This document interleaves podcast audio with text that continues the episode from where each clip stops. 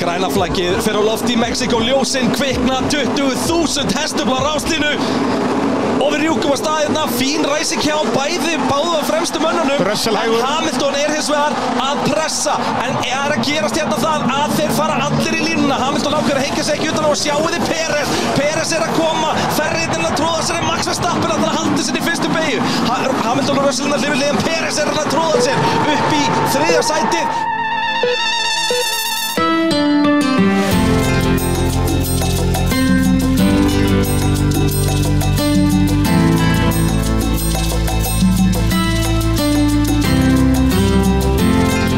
Hola. Buenos días, amigos, amigas. Saluda, Peturinn. En el noi Sirius Studio. Hoy. Que legaron la foca y be el perro. Þetta við höfum sjaldan lagt svona mikið metnaði í þetta intro, sko, þetta er rosalegt. algjörlega, algjörlega. Ó, og hlusta á fögru tónana. Ég, sko, ég veit ekki hvernig ég á að segja B á spænsku. Be, El perro. be el pero. Bel perro. Bel perro?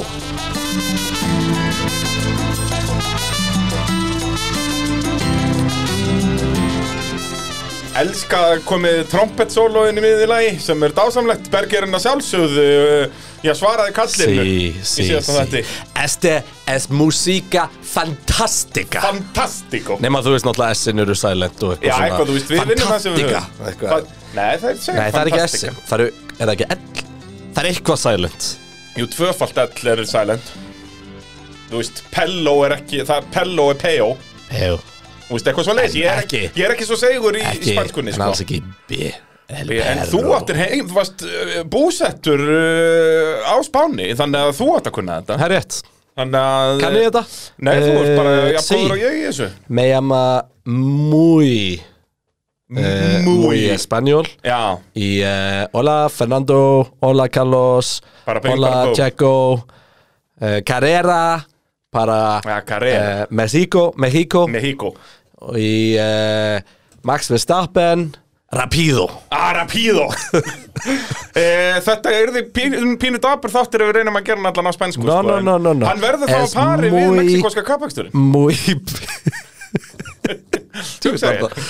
Þetta, ég er búin að komast það, við vorum að ræða eftir keppni, var þetta leðalasta keppni tímabilsins og ég er bara alveg komið hringinu, ég ætla bara að segja já. Já, sko, við við ræðum þetta betur hér á eftir Við þurfum auðvitað að minna almúan á að þetta er allt saman í þægilegu samstarfi við Wallis, Arena, Dominos, Kalda, Bóðleið og verkværasölunar Allt saman í Nóa Sirius stúdíu og podcastöðurinnar Það er eh, nú bara svoleiðis Sí, sí, sí, gran kompanía. Ó, Þetta, ég kann að metta þetta, verður duglegur að þessu allan þátti, Sí, greina minn sí. sí, sí. E, Það er ekki bara greina sem er að gera dem legend hérna að tala Nei, spænsku við þurfum eins og alltaf engi sem fyrst, fyrst morgundagurinn ætla ég að segja náttúrulega bara, ég ætla að fá að taka undir það sem hún segja á hann Með- Eh, með burgerinn Ó, bergerinn maður. Þú veist, við Vorum segjum mætir þetta í með. djóki í þætti, Já. út af því að við heyrðum F1 þemalagið og hvað gerist í morgun? Jú, uh, El Pit Saludo Hú, Er og þetta komið komið út á svo- Spotify. Spotify, sko Já, Nú verða eh, okkar allra besta fólk að fara að skella á þessu repeat og bara ná þessu nummer 1 á Spotify nei, menn, erum við ekki bara að gefa út álga mikið að lögum og þú veist, Við erum dölunir í hana já, það ekki Jú, Hún hefur ekki gefið neitt út í 10 ár Er er þetta að segja mér að pitturinn sé meiri músikal, mú, mú, sé músikalskari Já, eða músikanti heldur en Rihanna já það er nákvæmlega staðan Og við erum Í heiminum líka, í dag. við erum að fara international Við erum búin að Já, gefa út lag á já, já. íslensku Við erum búin að gefa út instrumentalag Já. Við erum búin að gefa út lag á, spa, á sko Fyrir- mexikósku, já, fyrir spænsku sem er spænska markaðinn, samt sko. líka eh, Já, Við, gerum, við Við erum fórum að öðruga aðlaga leið okkur. en Shakira til dæmis sko. Shakira byrjaði í spænska markaðanum Já. fór síðan í enska, við fórum hinn að hún leiðina byrjar í, í grunninum Já. En við segjum, nei nei Við viljum ekkert bara vera mainstream Nei, Við ætlum back to the roots of það er bara Shakira nákvæmlega svo leiðis Annars Nefn að hún var á eh, Spáni Nei, hún var í, sammeðilegt er er hún ekki frá Kólumbíu eða eitthvað? Jú, Kólumbíu eitthvað svo leiðis sko. Og við hefum líka það sammeðilegt að meðmyndar okkar ljú ekki eins og hennar Our hips don't lie baby. Það er bara n- nákvæmlega svo leiðis sko. Þannig að e, við erum í, í toppmálunum í, í músikbransanum Þöks í Bergelsins Grande, grande Grande, grande, ég heyrði ég var að sjá sketsjúlið hjá Bergernum á Iceland Airways Hann er að spila á svona 400 tónleikum bara yfir eina helgi Er það málið? aðeins svoleiðis, hann spilar náttúrulega með öllum hljómsveitum Já, það er Þetta helst bara vesen. vitleisa, já, bara eintóm þvæla sko. En einhvern veginn fann hann sér tíma til þess að Já, til að henda, þú veist, hann hefur verið, þú veist, að fara milli æfinga með bríjandi og, og, og einhverjum fleirum. Séð Og- svo mikið eftir að hafa hlustað á pittin á leiðinni Já, lagalegt, sko. Bara illa að fara með góðan berger. En við elskum hann, það er bara þannig Það er nákvæmlega svo leiðis. Uh, Legend að bætast í hópinin á piturum.is kræna minn. Það er nú bara svo leiðis, þannig er staðan. Uh, okkar allra besti Stefán Már var að mæta í, í, í hópin. Vá Uh, og hann náttúrulega, við reynum alltaf að finna Formule 1 dokumenn sem eru með sömu initials Og hann er náttúrulega SM, þetta er tiltölulega þægilegt sko Eh, Er ég að fara langt aftur eða? Já, mjög Stölli Moss Heldur bet, Ja. þú náði þessu, gamli hundurinn Fú Eh, Átni Már, Ólafsson, eh, sem er leiðis að batast í hópin Ég fann e engan AM Nei, Þeir eru þarna Alberto Ascari og, Alberto Moreno og Alberto Moreno Ekki s- heimsmeistari Nei, ekki Sigurvegar einu sinni Alberto Moreno, hver er það? Hann er einhver Er það ekki Já. bara fótboltamaður eða? Nei Yeah, á lista yfir þá sem á sigra Formule 1 keppnir fann ég engan AM en kannski var ég bara sótalvaður og... Vá, ég vissi ekki einu sinni að það væri til Alberto Moreno fótboltamaður Það ekki var ekki finnum kantmaður um með Liverpool eða eitthvað Það er brallin er náttúrulega allur að koma í í Roberto fótboltanum. Moreno Já, með allt Ég var að reyna Ég var að Þú varst að reyna reyna Já. Já, já, ég, ég, ég gefur punkt fyrir að reyna Varst þú ekki líka nýbúin að segja Alberto eitthvað Jú. Nei, já, Alberto Ascari Alberto Ascari, Var það sko. ekki? Jú, jú. Já. Þannig að þetta er Hérna, allt í- Þess í vegna toppmálum. þess vegna er ég röglast Já Uh, en uh, já, við hvetjum alla til að skella sér á pitturum.is að þið viljið ennþá meira af pitnum því að Já. þar erum við eins og núna fimmtudaginn er ég, ég byrjaði að röndubúa þátt fyrir fimmtudaginn þar sem það er ekki keppnum helgina þá ætlum við að fara að powerranka sko one time world champions uh, Pitturinn.is Og er De leyendas og það eru daily enda Heim og öllur góðsagnuna Boom shakalaka þetta, er, þetta er rosalegt Ég veit það, ég, ég veit elska þetta Ég ætla, uh, hvað er Brasilinast, þá tekið portugalskuna, svo tekið arabískuna í Abu Dhabi Heru, ég ætla til Portugal í janúar, februar er ég búin að ákveða Já, þú er, uh, nei, þú varst bara búin að segja mér, þú varst ekki búin að Já, segja ekki pittin búin að, nei, nei, ég deila öllum með öllum, það er bara svo leins Fylla uh, Þannig að þú mátt kenna mér smá portugalsku í undirbúning þínum fyrir Brasilíu Já, ég kann ekkert í Já, portugalsku en þú mynd kun- kunna það eftir næsta pitch sí, sí, sí, Það er bara svoleiðis, sko. sí, sí. uh, Talandi um legend Jú, Þá eigum við, við eigum annað legend Svona sem stendur með okkur eins og The Goddamn Burger wow. Og það er The Goddamn uh, Kvati eða hvernig myndur segja það á spænsku? Hvadi Hvati Hvadi Sí, vadur uh, Okkar allar besti kvati er búin að hanna pittstæruna 2022 Við erum að koma svolítið seint með hana Já, en þú veist, er það ekki bara, þú veist, þetta er svona eins og edduvelunin eða þannig, það er alltaf verið að gefa fyrir árið eh, á En undan augljóslega ættum að gera það snemma á árinu En þú veist, við, við, við lofum að vera ekki af lengi núna Og þetta verður skemmtilegt sko Því hún er með, hérna, við erum ekki að láta bara eitthvað sauma í hú Við erum actually búin, búin að fara í gegnum design Með uh, an international uh, Auðvitað. company Auðvitað erum við international og uh, erum búin að finna top quality þú veist, það verður ekki ódýra fyrir vikið en þú veist, pointið okkar er ekki fjálfinu við viljum bara vera það sé bara good shit, cool pits merch, going around for the pit crew mm. um, nema ég er í smá bobba sko Já, já, þú veist það er, það er serious cash sem við þurfum að leggja út miða við það sem við verðum að byggjum í magni því að þetta eru nokkur hundru sko já, við verðum að hafa allavega hana, þú veist, 150 eða eitthvað já, tökum 150 eða eitthvað ég held, voru ekki 60 afgömlu Ég man það engi, það náði ekki 100 allavega, ég man Nei. það og hérna Uh, nefnum að það er skemmt við þessar og því að þú veist við erum að láta gera þetta alveg all in þú veist merkið aftur ekki ísum en það verður þú veist í þrývít úr svona gúmi þú veist svona patch og eitthvað það verður Hvernig er hún á geðveikt litin? Er hún, Hún er grá? grá og svört. Já, Já. hipp og kúl maður og hérna þetta verður uh, good shit þannig að, uh, Þannig að bara stay tuned, við erum að segja almóan um það bara að- já þetta er bara, haldið þetta er bara ykkur í gerast sætunum. þetta er bara gerast við reynum að vera að koma Þannig með þetta fyrir jól Ég elska þetta uh, Spurðu pittin er að sannsögðu bóðið bóði Dominos uh, ef þið skellið ykkur inn á dominos.is eða í appið uh, pantið ykkur eina petsu eða tvær eða 22 að þá notið þið bara kóðan pitturinn og fáið ykkur hvað 40% afslátt Reyndi ekki amalegu pakki það er stórkustlega pakki Það er bara uh, svo- svoleiðis að staðan uh, Við byrjum hérna á lögrétti spurningu frá honum Atnahauki sem að uh, ég spyr spurningu ekki tengt uh, Formule 1 en getum við aðeins rætt meistaran sem volarætaði sig inn í úslitin í NASCAR þetta er að svala sem ég séð Sástu þetta? Ég hef aldrei áður séð a seventh generation watermelon farmer mm. wallrider sig inn í úrslit að negla Denny Hamlin út yfir línuna Þetta er, Já. það, við erum að tala um sko cars couldn't make this shit up sko. Nei, þetta er það bara vantaði svona- bara tungu Þetta er svona bitur gæi í iRacing sem að hjólæri þetta á síðasta hring hann er sérst að síðasta ringu hann er Bara í hvað hlustum á þetta, Já, ég var að ok. horfa á þetta á, á Viaplay og þetta er sturlað On his way into the championship. Let's go get us a championship. And the Hell fight of a for job, the bud. points right at the line. The one of Chastain past Hamlin. It was a video game move off into turn three. He put the car against the wall, wide open all the ra- all the way around turn three and four. Chastain, Elliott. A video game move, Video game, segir þetta- Jeff Gordon Þetta er sem sagt á short track Þannig að þetta er ógeðslega stuttbraut og beigjurnar ógeðslega þröngar Þetta er ekki svo Daytona sem eru allir bara í botni allar ringin Já. Þetta er svona, þetta er bara kallað venjulegt speedway, ekki Þannig að superspeedway ímyndið ykkur bara þú veist uh, Eða short track er þetta bara kallað, eh, já uh, hva, Hvaða beigja í formúlunni væri svipuð e...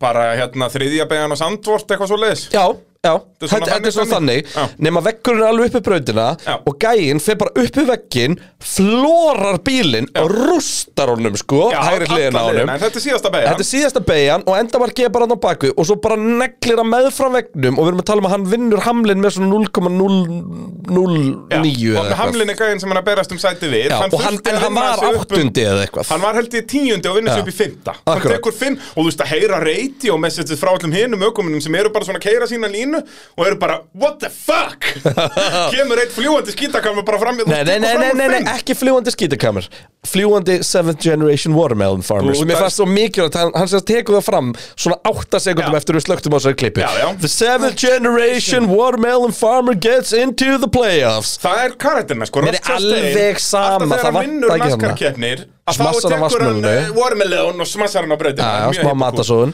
Já, en Pitbull er nákvæmlega sama sko Út að það er náttúrulega Pitbull á liði sem að Rust Chastain er að keppa með Þetta var geðvikt Þetta er, eh, ég mæli með fyrir alla að kíkja bara inn á YouTube og eitthvað ef Ég, þið eru ég, ekki búin að sjá ég með þetta. sko. þetta í, neða þetta voru dott út af Ég setti stóri hjá mér á Insta já, til að akkurat. sýna. sko. Þetta er bara störtlað sko.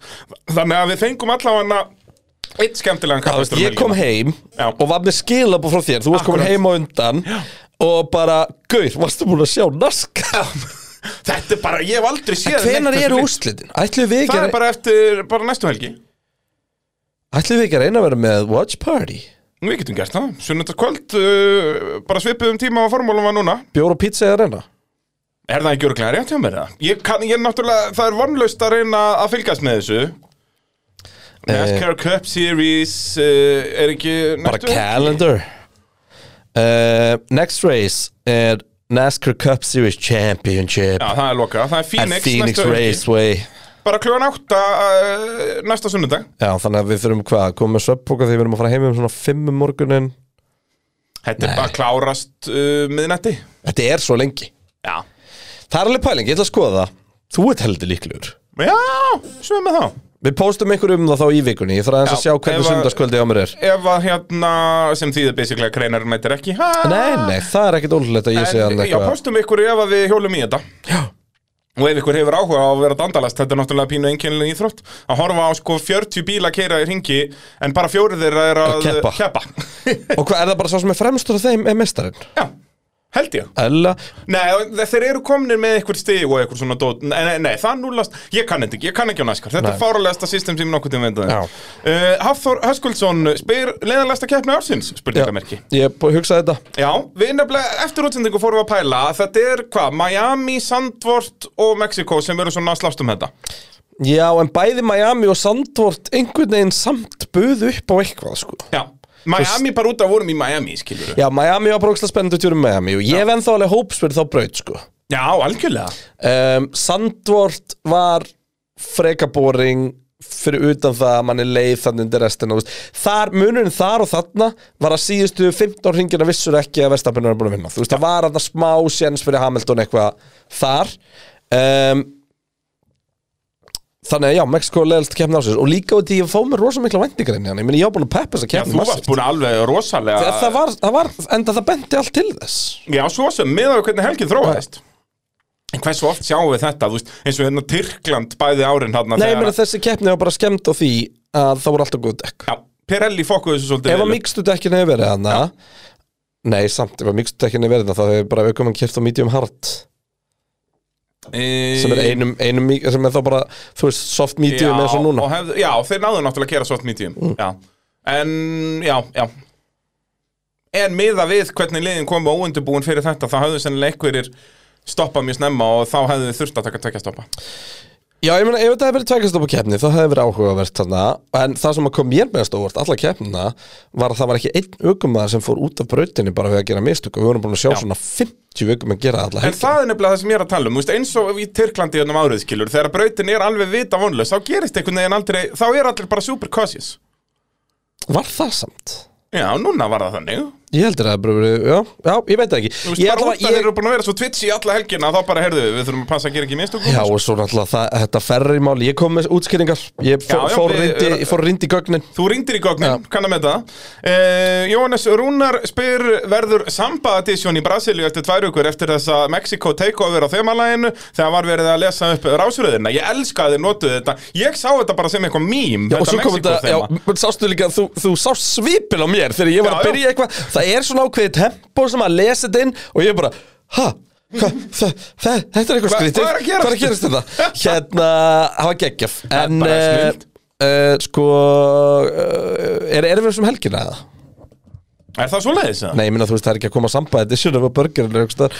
Það, við, Hvenær er það fær Airways? engin Ég annar verð að að kynkja á bergerinn á Airways sko. Ég held að ég hef aldrei farið á Æsland Airways Jú, þeir eru það byrjar núna á fimmtudaginn Þá get ég eiginlega ábyrst að það verður ekki samba edition lag, sko e, Já, nei, síðan hefur hann vikun eftir Hann verður enda vel þunnur þá en, e, Ég held líka bara að þetta sé fínt í bili Já, þetta við megum ekki ofpeppa þetta, Nei. sko Og eins Líka með, það held ég að verður- formúlan mun ekki gera það. Það verður að vera iconic, þú veist, meiri jatsi bandið er svo Mexikós, Já, sko það er enda samba en og helviti Já, það er helviti íkonist. brasilískt. Hvað var þetta? Það var þetta að gera Japan Sem væri þá hvað, Það er svona K-pop eitthvað Nei, það var enda ógeðslega fyndið Men hvernig væri Að ég gera K-pop version Já, að af gera Bitslag bara með fullt af ykkur Nei, svona þessi gömlu hljóðfari hérna hérna Já, ding, ding, svona ding, ding, hérna ding, ding, Já, ding. akkurat, Þú veist, já, gera svo leiðis í Japan, jú, það er góð punktur eh, Í Bretlandi myndum við bara fá eitthvað bara washed up, svona svona bíl- ráman Nei, bara eitthvað svona ráman eitthvað þú veist eh, til að Nei, við myndum fá eitthvað svona eitt sér hann bara Ég ringi hann En þú veist, það er samt syngja. alltaf, þú veist Ég held að breska It's þyrft the að vera svona Beatles. bítladæmi, þú veist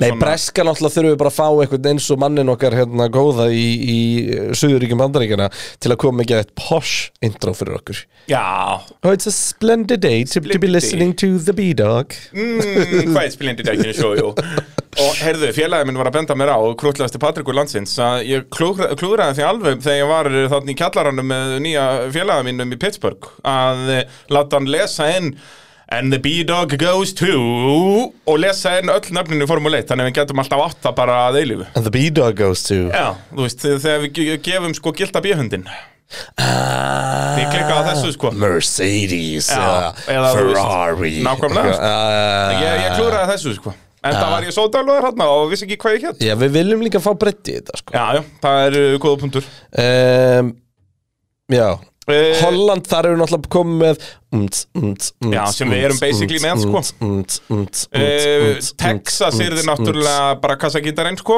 bara country Já. Miami er þið aftur eitthvað fróðandi sko, en þú veist, þetta er, þetta er erfitt umt, umt, umt. Já, og það er, svo ég segi, það er, og við megum heldur ekki ofgera Austuríki væri hægt Það er eitthvað svona Svona sveitatónlist og fólktónlist jóðl og eitthvað. eitthvað Já, já, þeir myndu jóðla lagið, segjum að það, jó, jó Jóðl, jóðli, jóðli En ég Jóðl- veit ekki hvað það er hægt, sko Jú, jú Það er allt hægt Jóðla lí Ég er svo geggjaði að söngvari sko Nei, þetta var formúla, ég er að tala um Pétur Hilsar Já, en þú veist, við erum að tala um bara basically bæði sko Dun, dun Hvað er með það?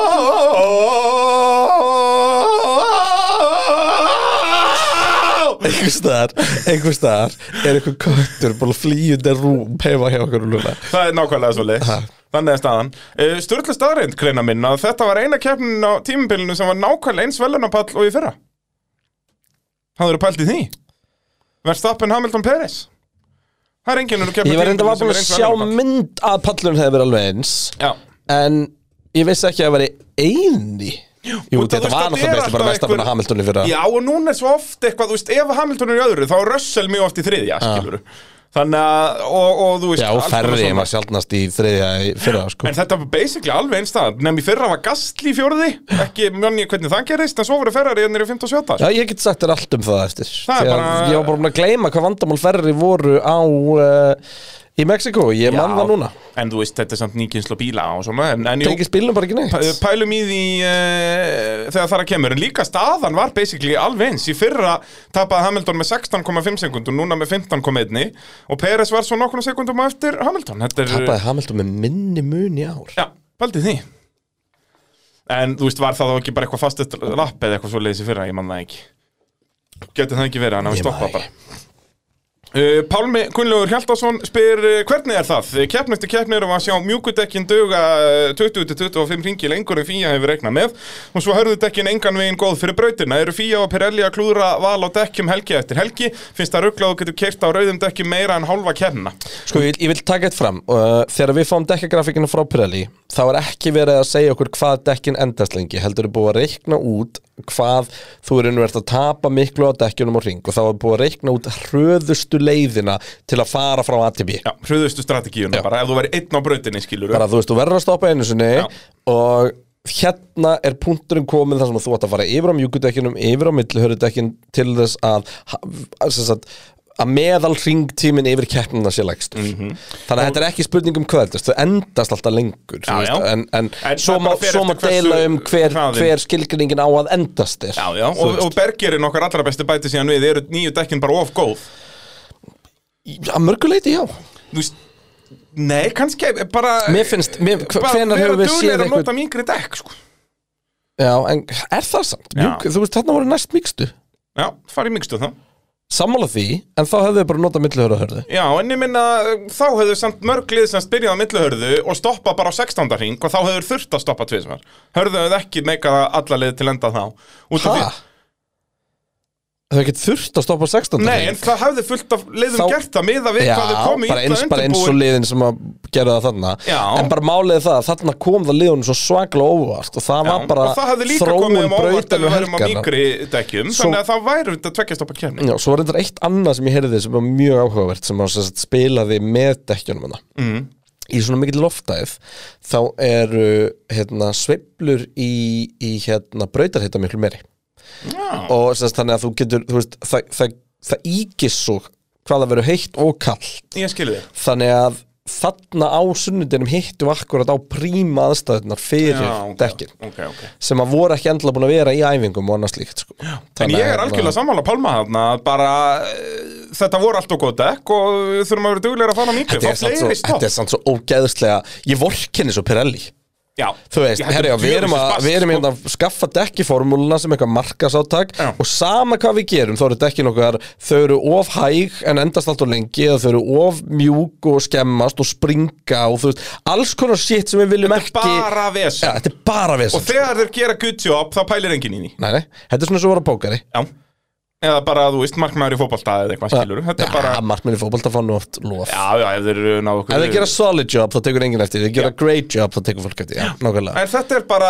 þannig að- að, að, þú veist, eins Mm. Já, og veist, í- Pirelli verður eftir aldrei óskall Bandaríkin- hamingju af hverju, vá, þessi keppni var svo góð um helgina Vel gert Pirelli, Nei, það er verður nákvæmlega alltaf bara þannig. eitthvað vel gert Max Verstappen og Lewis Hamilton, Já. skilur Já, eins og bara Bandaríkin, við vorum ekkert eftir keppnum bara djúðlur Pirelli að gera geggja mót maður, tvekja stoppa keppni maður, wú, wú, það var enginn að pæli Nei, því nei, við sem eru geggja ef að tekja þetta keppni En það er þá bara brautin, hvernig hún líkur Já, ég segi það, það er aldrei frósa Pirelli En uh, algjörlega sammála og þetta er bara þurfum að pæla betur í þessu Pirelli þurfa að rífa sig í gang og það, það er löngu vitna mála, tveggjastoppa keppnir eru miklu skemmtilegur og tala ekki um þryggjastoppa keppnir Ég ætla að gefa, ég ætla að veita Pirelli heiðursvelin á gildabíjendinum sem besti dekkjaframlendir í formule 1. Já, það er eh, gott sjátt, gott sjátt.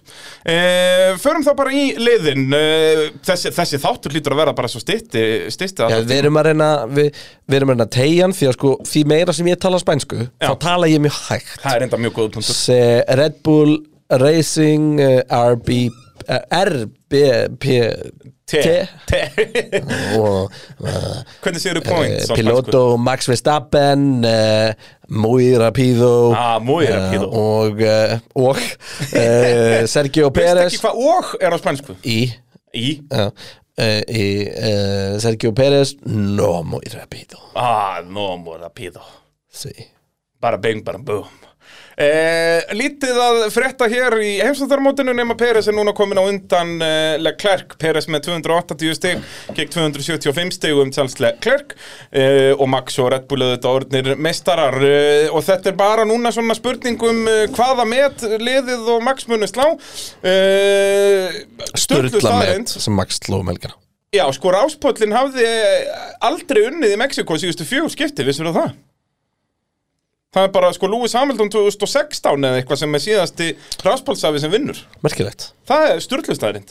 Ég Uh, hefði samt ekki veðjað á móti því fyrir keppni sko nei, Þú veist, það er bara... Þetta er ekki svona eins og ég hefði alveg verið til í Texas út í að þú veist bara að uh, fyrsta seti leiðir mjög sjaldan þar Mhm. skilur en hérna þá bara nei, Max var alltaf einhvern veginn þú veist. Þetta hefði bara verið svo miklu meira spennandi ef að þeir eru svissa þessu í tímatökunum og við hefðum verið með merk, Mercedes svona fyrir framann sko. já. Já, já, já, bara Mercedes hafði komið á undan út af fyrstu beigvi, skilur þú. það vantaði þess að kemja Já, en það samt er- hefði Max ekki bara getið og á næsta DRS-kabla Og þú veist, það var samt alveg vesen að komast fram úr en jú, ég held það. það, var bara- það er aldrei vesen á þessum Red Bull Jú, Peres gat það ekki. Nei, Peres komst aldrei nóg nálægt Max hefði alltaf komist nóg nálægt Ég er bara að tala um framrækstunni sjálfan sko. Já. Þú Eh, veist, hvort hann Max hefði komist einu í- sinni fa- Max þurfti bara eitt tækifæri niður átkablan í Mexiko með DRS til þess að fara fram á Lewis Hamilton Jep. og Lewis Hamilton hefði svo þurft svona 20 til þess að reyna að svara Já. því við ætlum ekki gleyma því að þú veist og það er svona út af því að þú veist uh, náttúrulega stærsta spurningin verður alltaf um þessa keppnisáallun Mhm. og ég er ekki á því að Mercedes hafi endla skiti í degi með Lewis Nei, kofurum það eh, á þegar eftir við tölum um en, en Mercedes. punkturinn minn, bara eina sem ég ætla að segja í þessu samingi er en á móti kemur að þá hefði Hamilton alltaf þurft sko brjála tire offset til að eiga séns í að geta farið fram úr Jep. Max, þú veist. uh, því- þótt hann hefði náð honum þarna þá held ég hann hefði aldrei farið fram úr honum, sko. Nei, ekki á þessum dekkjum, skilur Nei, það er það sem ég er að segja sko. Það er málið. en mjúkundekkin, já, já, já, við fyrir mig á þetta Uh, þetta var fjórði sigur Max í Mexiko uh, og er þetta eini kappastunni sem hann hefur runnið svo oft Ok, ég tengi samt ekki eitthvað Max sem eitthvað frábærinn í Mexiko hann er alltaf verið góður hérna Mexiko finnst mér eitthvað, ég man ekki eftir neitt Mexiko kefni Nei, Það er nefnilega ekkert góður Jú, þær eru Nei, þannig bara það alveg er yfir alltaf bara fínar Já, já, en akkurat, þær eru ekki eftirminnilegar sko. eins og ég segi, ég hef Nei, ekki hugmynd og ég meira man að ekki segja- eftir þessum fjórum Nei, þessum þremur Max sigurum á undan Nei, þessum, sko. og út af því að þeir voru dominant Red Bull sigrar Já, já, Þú veist, og það var eina ástæðan fyrir þeir voru skemmtilegir í huganum þá var út af því að, þú veist, og nú er ég ekki að tala um eitthvað í fyrra, nú er ég að tala um hérna 2017. 18-19, sko já Hann vinnur fyrsta, fyrst í Mexiko 2017 Já, ég ég er bara þú veist, að tala um þessi ár eina ástæðan fyrir að það var spennandi var bara að það var ekki Mercedes að vinna Já, já vi- þetta hefði verið mun eftirminnilegra hefði þetta verið, þú veist, fintakefni tíumbilsins út af því að þá var þetta ennþá hörðu býtu Red Bull eru að koma inn nákvæmlega og þetta var eiginlega alltaf sko, eitt skipti var Hamilton að vinna titilin í 15 sæti, Já. vann hann ekki titilin Tvisvar, tvisar, held ég, nei, vann, ég held það. vann hann ekki tvisar í Texas einu sinni þannig Það gæti verið Hann vann hann Mér mér ætla að mann, hann hefur nokkur sinni komið að orðin heimsmyndstari, sko Já, já alveg uh, Allavega nokkrum tvisvar, sko. skiptum. Já, algjörlega Uh, Red Bull jöfnuðu svo metið sitt með nýju sigra í röð sem þeir náðu 2013 og, Já, og munu bæta það upp í 11 já, það er all time metið sem að klara ná frá 1988 uh, og ég hugsa að þeir náu því uh, 11 sérar í röð, Já. Er það er alltaf metið Já, þú eru Það bara að er vinna ekki næstu tvær metið sem keppnir. fer á milli sísona Það er á einu sísoni Nei, það er líka millisísona En, en tóku er það á milli sísoni, tóku er á einu sísoni Þeir tóku það á einu sísoni Ah. McLaren MP44 náttúrulega Ég er samt ekki eila meira en impressiv að taka það á tömmu sísoni Jú, eða þú veist, það Vinna, er bara vinna síðustu impressive fimm almennt. og, og fyrstu fimm skilurðu. næstu- jú, jú, Því að það þú veist er- það er sikku bílinn Nei, þá reynda var það ekkert sikku bílinn Það var alltaf bara framþróun og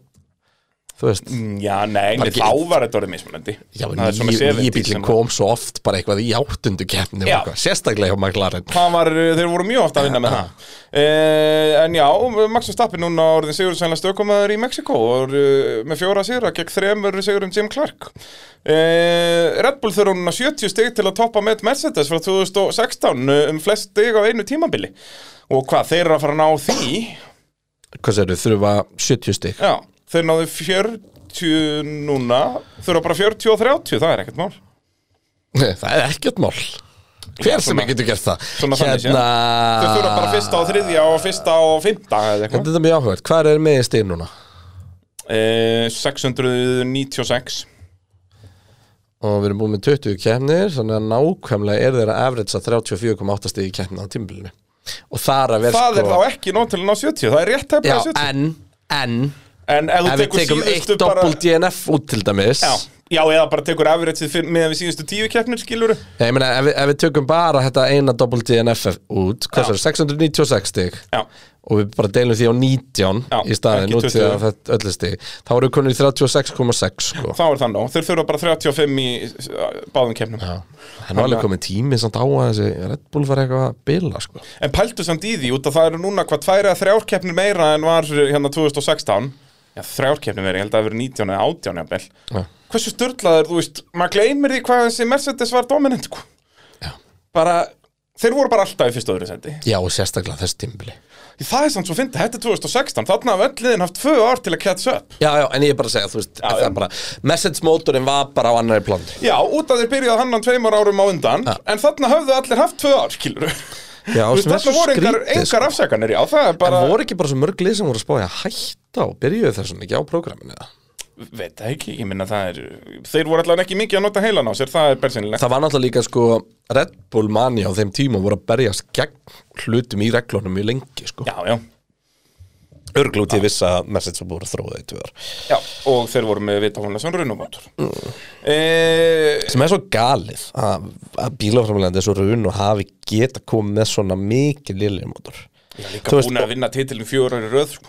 Já, og ég, ég ætla að myndi segja, við erum ekki að tala um þarna eins og Honda er komin með McLaren hvað 16, 15 15 Já, einmitt, og þá er Honda búið að taka eitt ári að þróa mótorinn, Já. sko. það veist Þannig að, já, algjörlega e, Áhugaveru punktur líka með Maxu Stappen Hann er komin í bíf við Sky Sports Hann fyrir ekki lengur að vittal þar Já, hann er orðin þreyttur, sko Það er eitt í þessu Sko, ég síndi þér klippu, nei, já, ég bara las grein fyrir þig Já. um eitthvað eitt komment frá Ted Kravitz sem átti að hafa verið kveikjan á þessu öllu. En það var Og- og alls það ekki er- kveikjan samt, sko. Nei, ég segja þá, það, sem sagt, og ég skildi þá ekki bara, makk, hvað djúsi Fílip og gert og eitthvað er. Núna þegar ég sé stóra sammingi, þá er ég alveg sammálunum. Ég myndi ekki, kom- mændi við Nei, út af því að sko Málega það að þetta, þetta er mjög ábyrrandi og og þetta er sko, það er mjög fyndið að að skoða mismunandi formúlu samfélag á netinu og eins og hann er að tala um, bara Max hann er að reyna að berjast gegn í raun og veru þessu bara heimska viðbjóði sem um- umgengst bara í kringum hérna svona að stóru hlut til nýja kynnslóformuleitt áhugamana og ég meina þú veist það er nóg að þú veist, ég til dæmis það er ástæða fyrir því að, að þú veist ég tjái mig ekkert þar sem er einhver kommentakerfi sko, ég, ég bara, ég nenni því ekki Já. og því að margt af þessu er bara þú veist það er svo margir sem, sem talir svo mikil blindni Eru bara Þa, á það er svo, þægi, Hamilton-vagnunum, já, eða svo bara á þægilegt að við, þú Verstappen-vagnunum? veist, þegar þú ert hlutlusi að horfa á þetta, Já. þá, þú veist, byrja ég að lesa einhverja Facebook síðu eða eitthvað og ég hugsa bara, shit, hvað þetta Max Verstappen liðið fint, en svo kemur bara Lewis Hamilton liðið fyrir neðan, Já, skilur, og það er ókslega mikið af þessu, og þú veist, og þegar maður skoða til dæmis bara Sky Sports Twitterið og annars líkt, þetta er alveg gali það sem Já, að náttúrulega Sky Max Sports var er hins náttúrulega bara vegar bresk stöð, Já. en náttúrulega er svo international út að þeir tala ennsku, sko. já, og er með FTV coveragið og, og þannig Ekki og það- lengur reyndar held ég. Jú, Aha. þeir eru með sko lýsinguna Og ég held ekki Og Jó. ég held að FNTV eru með sín eigin núna Að það? Allavega, að það sem að í raun og veru Max og Red Bull fengu bara nóg af var hérna bara endalust af litlum pillum og málið er það að þú veist skæið mitt getur ekki haga sér alveg eins og til dæmis bara hérna Viaplay eða hvað heita Siggo Sport í Hollandi þú veist þessi tvö sem hafa verið að sína formúlunum upp á síkastið þar sem að þú veist það er bara verið að tala til hollendinga þú veist, þetta er eins og þegar Gummi Ben var að lýsa íslenska landsliðinu á Þú veist, EM Það er skilurðu. nefnilega alveg annað dæmi Það er annað dæmi sko En punkturinn er kannski meira sá að meira sér þar var ekki að þrýfast eitthvað sko diss á allt sem message gerði en bara það hversu langt uh, Sky hefur gengið í gegnum tíðina og einmitt, þú veist, þarna, þú veist það sem að hann fekk nóa var hvað Ted Kravitz að segja hérna að Hamilton hefði verið robbed í fyrra og þú veist, og það er alveg valid að segja það, ég mun segja að Hamilton var rendur í fyrra í Abu Dhabi, hann var ekki rendur titlum samt sem maður Nei. um, það er sem er ókslega skrítið að segja Já, þú veist, en við segjum það, þetta er, alltaf. það er tilfinningi mín fyrir þessu um, en það breytir því ekki að, að náttúrulega þegar þetta er eitthvað svona stanslust þú veist, bara síndu líka smá virðingu þú Ég bara virði Max Verstappen 100% þarna Já, er það ekki? Já, ég elska þetta, þetta er baller move Bara, Já. heyrðu, þú ert með Skysport Mike Og alveg sama hver það er, bara nei, ég fer ekki í viðtal Já. Ég talaði um þetta um daginn, ég, mér finnst að Erling Haaland ætti að gera þetta líka Já, með hérna, með Sky Já, menn á Rói Kína þar Rói Kín er vin, vinnar hann ekki á Sky Er hann hjá BT, ég manna það ekki Skiptir ekki Þú öllu veit að tala um stöðuna, jú það er Sky held ég alveg Það er Sky Og þá bara, heyrðu, þessi gæi er að monta sig að því að hafa endað feril pappa míns með því að bara gera líkamlega árás á hann á fótboltavelli Já, að þá bara, heyrðu, ef þið ætla að hafa hennar manni í vinnu þá tala ég ekki við ykkur það er mitt Hvað heldur þú myndi gerast fyrst? Að hann myndi, að Erling Haaland myndi að myndi viðtalið eða Rói Kín er í reikin Nákvæmlega Þú veist, mér- ég elska þetta Bretarnir Íþróttamenn noti eru satt bara- svo mikið uh, breyta sko En Já, hérna, já. algjörlega en- og, og þú veist, svo þ- næsta sem myndi náttúrulega gerast Það er allir stundins með Manchester City Myndu bara fara að sniðganga Sky Sport Og Já, já. þú veist, þetta er bara hellingur Algjörlega, en, en hérna En Báðir punkturinn stuðningsmennirnir, er samt sem maður sá að, að, Ég meina, ég held að, að þú veist það sem var indislegt til dæmis í fyrra þegar hiti var mestur var sko það sem að gladdi mig mest var þegar fólk var að ásaka okkur og m- sérstaklega eiginlega mig sko í því samhengi uh, og til það veit enginn með hverjum ég held því að ég held ekki með Já, þú, neinum þú veist það ekki heldur Nei, að ég var ásakaður á viksl um Hamilton og Verstappen bæs Bara- og þá var ég að gera eitthvað rétt Eft- skilurðu. Eftir, eftir hverja keppnum varstu bara djöðlegt á Max Vagninum Já, já, og svo þetta Hamilton vagnin veika Þá En veistu þú að veist, þetta gera og gott þetta gekk í báðar áttir Já, sko, já. og oft, sko, um sama hlutin var ég á Max eða Lewis vagni, sko, þannig Já, að já. það, það, ég teldi að það var mjög gott en, og það þarf að gera það. og Sky þarna er ekki að gera það og að- ég er sammála, ég virði Max Verstappen mér finnst þess að mjög fyndið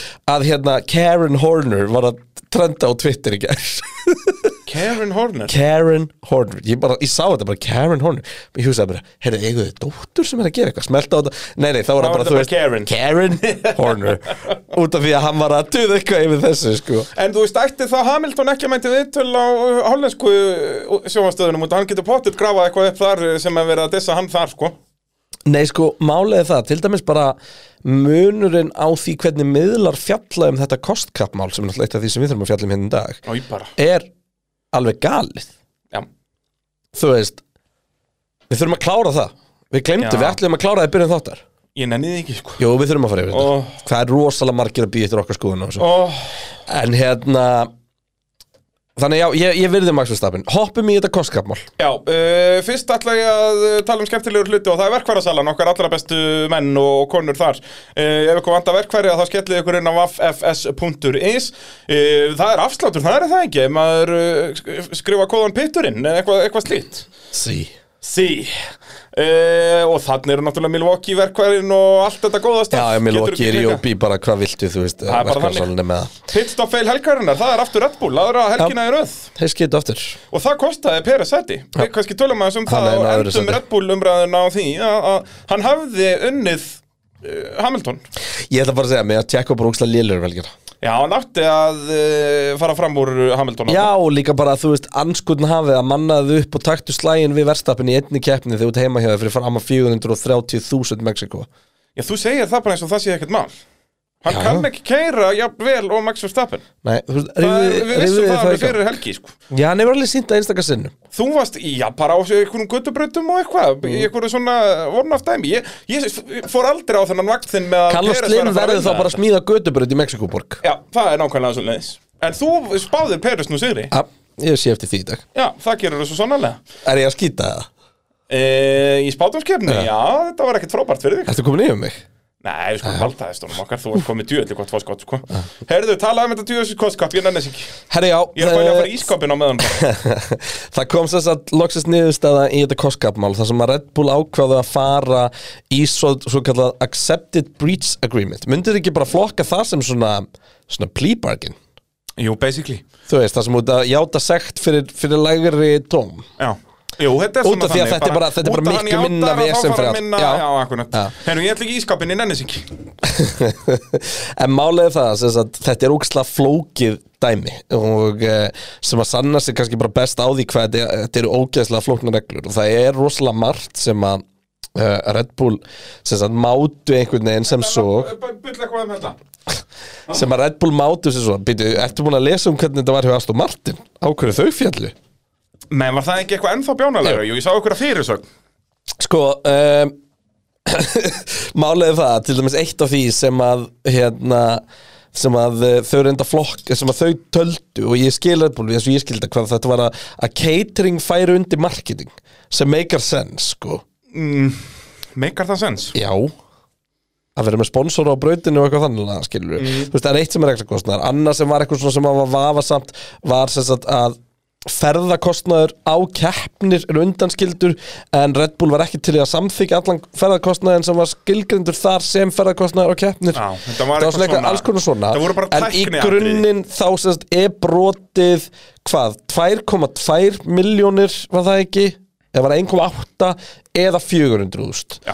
eftir því sko hvernig þú lítur á það. þannig að Red Bull fara yfir Já. og málið er það að Red Bull sérst fær 7 miljón uh, dollara sekt sem að það bara borgar hann 30 daga og uh, fær sérst 10% minni tíma í uh, um, 10% less items uh, í vindgöngum og, uh, og í hérna CFT Já, Máli- sem er hérna liquid, Já. bara program í rauninni Málið er það að, að hérna að samt sem áður, því að Red Bull eru mistrar á þessu tímbilið þá ættu þau að fá 70% en taka það fram að sem sagt, þetta byrjaði núna mánamótin þannig að þetta er að hafa áhrif núna á, strax á þróun næsta árs bíl, þetta byrjar ekki mánamót Já, þannig á það að vera náttúrulega en í staðin þá er líka búið í oktober á næsta ári sko. Já. um, en punktur þess að sá að að Red Bull með þessu fer þá raunir í 63% af því sem sjöndasæti fær út í að augljóslega notar sjöndasæti sem miðgildi í þessu öll saman Auðvitað, þeir eru tíu lið af hverju var ekki bara síðasta liði fær 100% og svo vinnum við okkur niður eða Það er þá alltaf auðvelt. að fyrsta sæti fær 100% og svo bætum við ofan á það Já, þannig að þú veist, já, þú farið hérna það sem má farið vindgönginu til útmeistari þú ferði í 105, þú ferði í 110 115, þetta er raunur hann að sjönda sæti fyrir 100%, áttunda sæti fyrir 105 eh, sjötta sæti fyrir 95 akkurat um, Eh, en, en- basically erum við að tala um það að með Mercedes að enda í þriðja sæti þá er Mercedes að fá hvað 80% en Red Bull bara 63% Munar um þannig að það. við erum að tala um hvað 30% mun Og það er alveg Þess að Mercedes stór- fær 30% meira, Meira en heldur Red en Bull. Red Bull Já. Það er alveg orðin alveg hellingur Já. og þetta fer eftir í hvort þú tala við eitthvað hjá Red Bull eða hvort þú tala við eitthvað hjá Ferrari eða Mercedes en þú veist Red Bull vildu meina þetta væri eitthvað hálfsekundur hring aðri vildu meina þetta væri kannski tíundur hluti eða eitthvað en það ekki skiptir ekki máli hálfsekúnda hring, sko, við skulum Nei, en halda þetta þetta á er samt móka. alveg substantial Já, algjörlega Þetta mun hafa hellings áhrif finnst mér þetta samt rétt refsing ég veit það Já, ekki tölum er, það er eina svona sem er áhugaverða pælingin í öllu þessu er að hvort okkur finnst þetta sangjöld refsingið ekki uh, Sko, Mitt Ég- teik á þessu ef ég, ef ég byrja á mér og þá getur þú annað hvort fyrir sammála og ósammála er að eina sem ég veist að breyta þessu er að 7 miljónir, 7 miljónirnar átt að koma út úr kostkattinu Já, og það- það er einmitt- Þú veist, þeir bor, þú veist, Red Bull og nóga pening þeir borga bara 7 miljónir og það skiptir nákvæmlega engum á máli meðan að ef þetta væri, þú veist, Haas þá væri Haas bara að tapa 7 miljonum Já. skiljum því að þeir eiga er ekki til Ég segi það, þá væri það að koma út úr kostkattinu skilur og þú getur gert mjög mikið fyrir 7 miljonir eh, það sem að ég fæ út úr þessu er að þessar kostkapreglur eru alltaf flóknar settu þá bara heldarverð á hvað allt má kosta því að þótt að eins og Red Bull segi þetta brot er ekki að hafa áhrif á sko þróun Nei, nei jú, ef að þróun hefur verið 400 dólarum minni þá hefur Þetta verður alltaf, alltaf flókið Þetta- skilur. þetta endar alltaf Um leið- þannig, algjörlega. Um leið og þú ert komin í svona, þetta endar alltaf bara í lögfræðingum og pappísvinnu Já, þú veist að sko. benda, á- við fórum yfir út af þessu Býtu, Af hverju þetta benda á það? Af hverju setur það ekki í brinn og segir við fórum yfir út af þróun bílsins? Já. Þú veist, þetta, þetta, þetta, ég endanum er þetta einn hildatala Ég segi það, þetta er bara annarkort peningar. þarf þetta bara að vera Þú veist, 200 miljón dólar hildatala Og bara, þú veist, ársreikningu fyrirtækisins Má ekki fara yfir 200 miljónu dólar eða eitthvað þá, er, þá væri við samt bara að tala um öðruvísi hluti Þú veist, þe- Þetta væri alltaf vesen held ég Já En eða þá bara Ég held að það sé ekki hægt að en þá, En einfalda þetta. ég var, jú, ég var bara með eina pælingu Ok.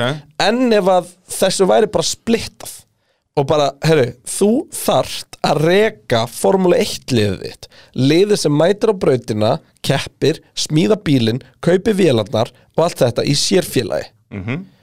Allt sem að tengist Catering, sponsorship uh, Hérna Bara svona fyrirtækja Fyrirtækja batteríinu. rekstri Já, er bara hinum einn þannig að Annað. þú veist, þetta er bara þróunarkostnaður og allt annað, en nei, þá er bara kostnaður falin í hinu fyrirtækinu, þú veist já þú veist, þetta er, alltaf hausverkur Já, algjörlega Þannig um, að- Það og- sem að öruglega er ástæðan fyrir því að allir með Mercedes og Ferrari og svona tóku ekki sjensin á þessu er að það versta sem að þessi brönd geta lendi í er að vera associated with cheating nei, Yep. og Það sko, þú er veist svona örlítið skárra fyrir orkudrykja framleganda Já, sem að er, þú veist, sassy fyrir Já, Um, En málið, er, þú veist, ég veit ekki, þú veist, með þessa refsingu Ég h- held ég hefði viljað aðeins harðari refsingu en ég hefði samt einhvern veginn ekki viljað þú veist, ég hefði aldrei viljað eitthvað að fara tilbaka á síðast ára og breytt úslitum eða eitthvað þannig. Nei þú veist, og hérna þú veist, ég Er, ekki, er þetta ekki eitt af þessum dæmum Það sem að Red Bull finnst þess að sé að vera að taka mjög hart að þeim Ferrari og Mercedes finnst þess að sé ekki vera að taka nógu hart að þeim Það eru allir svona jafn temmilega ósáttir Og þá er þetta bara tiltölulega rétt Ég held niðursta það. eins og sé, eina sem ég er stætt að breyta er uh, sjömiljónur að koma út úr kostskap ekki bara, þú þarf bara að borga okkur en, sjömiljónur en þá hefur bara átt að setja 7 miljón dólaras Nei, þú, það gengur ekki Því þá ertu búin að setja hátekjuskattin sem við tölum um sko. Þú veist, ef að ég, það, þú er ekki getað sett bæði 7 miljóni sem komur kostkapi og 10% Jú, þróunatíma hvað af hverju ekki? Það eru helviti mikið sko Já, mér finnst þetta að vera Já, aðeins meira en þetta algjörlega. er og mér finnst þetta lausnin í því Ok, ég kaupa En hérna það finnast það með Aston Martin Procedural Breachið var að þeir hérna kl- klúðruðu í hvernig þeir átt að fæla uh, að kaupa borð og stóla Já og þeir fengur bara feita sekt fyrir vikið Þeir vantaði báðulegði í verkið Já. Það er bara svona leis Það er ástæða fyrir ég hatt að tala um þetta er sama ástæða og ég fer upp í báðulegð að láta þá sjá um uh, mín mál hlanna Já. Ég nenni þess ekki Og þá er þar fyrirtækja svo báðulegð að steppa inn sko. Það Verið er bara það. svona leis Það er eina góða sem kemur út úr þessu kostkap kæftaði öllu að þetta er uh, svo easy plug fyrir báðulegð Já, ég meina Þetta er við þurfum bara- að halda bara upp á boðlega daginn á næsta ári Ég held þegar með það. kostkapdagurinn sko Ég held það sko að það verði Það verði bóðlegar dagurinn Það er Þá heitt að gaman verðum um við það. bara í beinni upp í upp í boðlega bóðleð ok, og, verði, og þetta er svona eins og hérna, final day of transfer hérna í fótboltan Já. ok, það er kostkap dagurinn í formúlunni við erum allir Hérna, hérna, upp í bóðleð hérna er Tóta og Vúl Það leggur pappirann á borðið og Kornel er enn að brenda hann er enn að brenda Blekið er búið þá vantar bara sæjan í brendaran og brendarinn segir nei við þess að segir nei þetta verður rosalegt Það er eitthvað fólk að taka upp podcast í næsta stúdíu Já, þetta er Það er núna skemmtilegt. bara hvað er að þessum fíblum á það hinum meginn hversu oft gildi það lending gerast hjá okkur strákunum að bara- Ógeðslegt. Og líka bara Simmi og fólk Líi eru eitthvað. bara eitthvað hvað er þessi gæri að gera geða þetta er bara vitlega Æ, Heyrðu, Ferrari er í öðru það sendi vantar sæjan Það er alltaf svo leiðis Alltaf sæjan. ég, ég er að prenta þetta í fokkin svartkvítum Mér er alveg sama þó að sé ekki neitt fjólubláru þarna í sko. Alveg sama uh, Ferrari er í öðru sendi Heimsvæftaramótinu en eru núna bara 40 stegum á undan eh, Mercedes Þannig að það er alveg Já, orðin eh, rúmlega starffræðilegur möguleikja á Mercedes Uh, náðum Doppelt í NF hjá Ferrari og þá eru þeir í slæmumálum uh, Og ekkert að frétta um þessa helgina Nei Leclerc búinn að falla nýr í þriðansettið, Sainz búinn að falla nýr í sjötta og eftir Hamilton. Já, heldur betur uh, Ástæðan fyrir því að Ferrari sökka í uh, Mexiko er sama ástæða og kviknaði bílnum hjá Sainz í uh, Austuríki og verður líka van- smá vandamál á Interlagos Sem er hvað hitti? Nei uh, Bæði sem sagt uh, Austuríki og, og Interlagos er svipar að hefða eitthvað rétt hefum kilometra yfir sjámali og uh, Ferrari er með minnstu turbinuna Þannig að hún þarf að snúast hraðaldur en hinnar Þannig að hún þarf að snúast svo Já. ógeðslega hratt að það bara kviknar í þeim Þannig að svoleiðis. Ferrari voru bara í mega safe mótana sem segir manni hvað fucking hérna Bottas. Alfa Romeo, nei, hvað er orðin góður yep. Þannig að koma með major chassis uppfæslu í Japan Og þurft að líka að því að halda, þeir eru í hörku slagáttunum sjöttasettið, sko. Nei, Ég man nefnilega að það kom risa, ég man að koma svo óvart eitthvað í Japan, bara risa uppfærsla af Alfa Romeo en, en ég meina þeir voru góður í Texas þannig að botta að spinna, eh? þannig að ég held að við séum bara að sjá Alfa Romeo í stegum í, í Brasilíu. Ég er ekki í spáðanskjöfni, henda Bottas í áttunda. Held að sé svo leitt fyrir utan alltaf þessi ferri motorspringur við annarkvæmst tilöfni sko. Já, já, en það, maður tekur um það á Þetta er kannski. svona eins og að hafa alpín, þú veist, það er alltaf einhvern Hvernig sprakk síðast á Bottas? Er hann komin á tíma? eða? Ég, hann er búin að fara að taka svo marga refsingar maður, shit, ég veit það Já, ekki. bara þú veist, spurning. Og síðan náttúrulega veit maður ekki eins og með Alonso, þó eru maður að setja hann í spáðanskjöfnin. Hann mun vantarlega taka refsingu, eða hvað? Herru, við sko, ég, já, ég segir eftir, hvað gerast Jóhann? Ég er búin að komast til líka, ég kallin er búin að vera Þú ert búin að vera að googla á eitthvað. Eða Þá kannski googla rétt á meðan að ég eh, dandalast að tala um Ég er, að- Ferrari. ég er að googla Bottas Nei, googlaða frekar, eða veistu hvað gerist á Norris? Við þurfum að ræða það á eftir. Uh, nei Googlaða það meðan ég er að dandalast. uh, En Bottas fjall síðast úr leik Hvað er finnin?